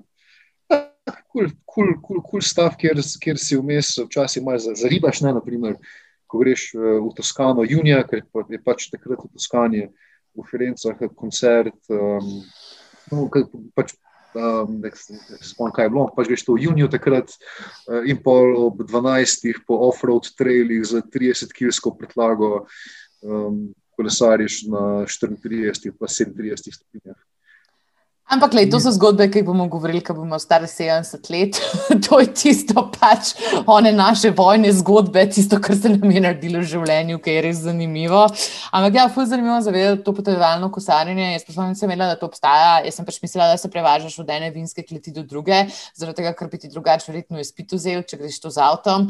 Um, tako da, ja, očitno obstaja potovalno kolesarjenje in jaz sem navdušena, da bom izvedela več o tem nekega dne, lahko pa tudi daj, kam gremo. Lej, pač tam sorodnike v Kot Deronu in tam ni za preživeti. Ja, v redu je, ful je v redu. Ale, pa gremo še na tri stvari, ki bi jih morali prebrati vsak naš poslušalec. Tri vere, ki jih priporoča gospod Rod Krasnik. E, ful, hvala, da si mi to vprašanje vnaprej poslala, ker bi lahko zdaj ful razmišljati. Dejansko sem v tem, v tem sem, sem razmišljal, kaj bi bile tiste tri knjige, ker ful težko rečeš, kaj so tiste tri knjige, ker mislim, da jaz kot, nek, kot uh, avid writer, oziroma kot nekdo, ki, je, ki mu je ful blizu branje, pisanje, branje, bi mogoče sem pozabil tam, branje sem pozabil pri petih življenju, še veliko pomeni, ampak imam za to res zanj časa, premaj časa. Um, mislim, to je fantastičnih knjig, da res ne, ne mogoče reči, da je tri res dobre. Ampak, če že me stiliš. Ja, silim te. Uh, Hudo pritiskam na to. One, My Life in Advertising, Klotsi Hawkins. Uh, pa seveda scientific advertising, ampak to je tako kupiš kot omnibus knjigo. Uh, to je res tako fantastičen uvod v to, iz česar je potem nastal kasneje direktni marketing. Uh, mislim, da je to knjiga, ki bi lahko vsakdo, vsakdo prebral, ker je že pred letom 1910 govoril o osnovi tega, kar delamo danes. Uh, drugi, uh, Getting Everything Can Out of All You've Got, J. Abraham, ni nobena kakšna posebna epska knjiga. Uh, mene, meni je bila ful pomembna v mladosti, ker mi je ful odprla oči za priložnosti, ki jih najdeš v vsaki stvari. Že samo kaj lahko narediš svojo bazo strank. Milijon old school priložnosti, to je knjiga onga res tradicionalnega old school direktnega marketinga uh, še iz 70-ih, 80-ih, uh, kjer so res Veš, so, ko nisem imel Facebooka, nisem imel vseh teh čudovitih stvari, ki jih imamo danes, smo mogli res, res razmišljati, kako bodo iz vsak cent iztisnili iz vseh priložnosti, ki so bile tam zadnje. Res fantastična stvar, da ti odpre razmišljanje za glede vseh potencijalov. Uh, tretja, to pa spet ne vem, ne vem, če je to zato, ker uh, ne bi rekel, da je nekaj tako zelo posebnega, drugačnega, ampak pač meni osebno je fulh prla glava, ko sem bil otrok. Uh, swim with the sharks without being eaten alive, Harvey B. McKay. Mm. Mi je res ful odprla glavo, kar se tiče biznis razmišljanja, pa o tem, kako nasplošno urad biznis, razmišljati o biznisu. Um, bi, bi priporočeno, bi priporočeno. Wow, evo, zdaj imamo še tri super knjižne priporočila. Ti si mi zaupal v enem izmed najmenjih pogovorov, da tudi ti delaš na svojih knjigah oziroma na svojih modelih. Tako da mogoče naslednjo leto, ko se bomo pogovarjali, bomo imeli že drug reading list. Ampak do tja še pridemo. Se pravi, rok, kaj so te stvari, ki jih ti načrtuješ zdaj v naslednjem letu, kako boš ti čez eno leto, ko se bomo mi da pogovarjala, rekel, to bo pa dobro leto. um, Pa smo tukaj takšno vprašanje, rečemo, vprašamo čez kakšno leto. Uh, je par stvari v, razvoj, v razvojni fazi, nič takšnega, da bi o tem že lahko zelo konkretno govoril. Le par zanimivih stvari bomo videli, kaj, kaj se zgodi z njimi. Mogoče pa celo mi dva pogrunta v kakšen način, da produk, produktivizirava moje možgane. Zihar. Zihar, zihar, to moramo, to moramo, to je nujno. Ej, uh, zdaj pa gremo še en call to action, da, zato ker smo se tako pogovarjali o direct marketingu, da je nujno treba oplemeniti zaključek epizode še z enim call to actionom. Kaj je tvoj call to action, se pravi poziv k dejanju za vse poslušalce in poslušalke? Fuh, ne, če imate kakšen uh, res zanimiv, kul cool produkt, ne, kontaktirajte me na LinkedIn, mogoče lahko najdemo kaj pametnega, da skupaj naredimo. Um, če iščete kakšen dober job v e-commerce, prosim, me kontaktirajte. Uh, ljudje me vedno sprašujejo za priporočila, za dobre menedžerje, za dobre uh, e-mail ljudi, tek ljudi, itd. Tako da tudi cenizla išče, par ljudi. Uh, poznam še par drugih firm, ki iščejo par ljudi. Najboljši način kontakta je LinkedIn. Uh, sicer vas bom tako iz LinkedIn poskušal spraviti na e-mail, ker mi LinkedIn komunikacija res ne, res ne sede, je pa to dober, dober first, uh, first contact. Oj, bog, hvala lepa, rok. Tako, bil si čudovit gost, poslavlja smo rekord. Uh, jaz sem zihar, da bo tudi rekord v poslušanosti postavila, ampak zaenkrat so postala rekord v dolžini podcasta. Koliko časa misliš, da sem mi dva snimala? Uh, vidim, koliko časa si snimala. Zdaj rečeš, Maja, da, da, sem, da, velik, da sem verjetno sva povedala par zanimivih stvari. Oh, ja. Več takšnega, da bi kdo to poslušal 2 ure 40. No, bomo videli, lej, ne se nam javijo vsi, ki so poslušali poslušali podcast do konca.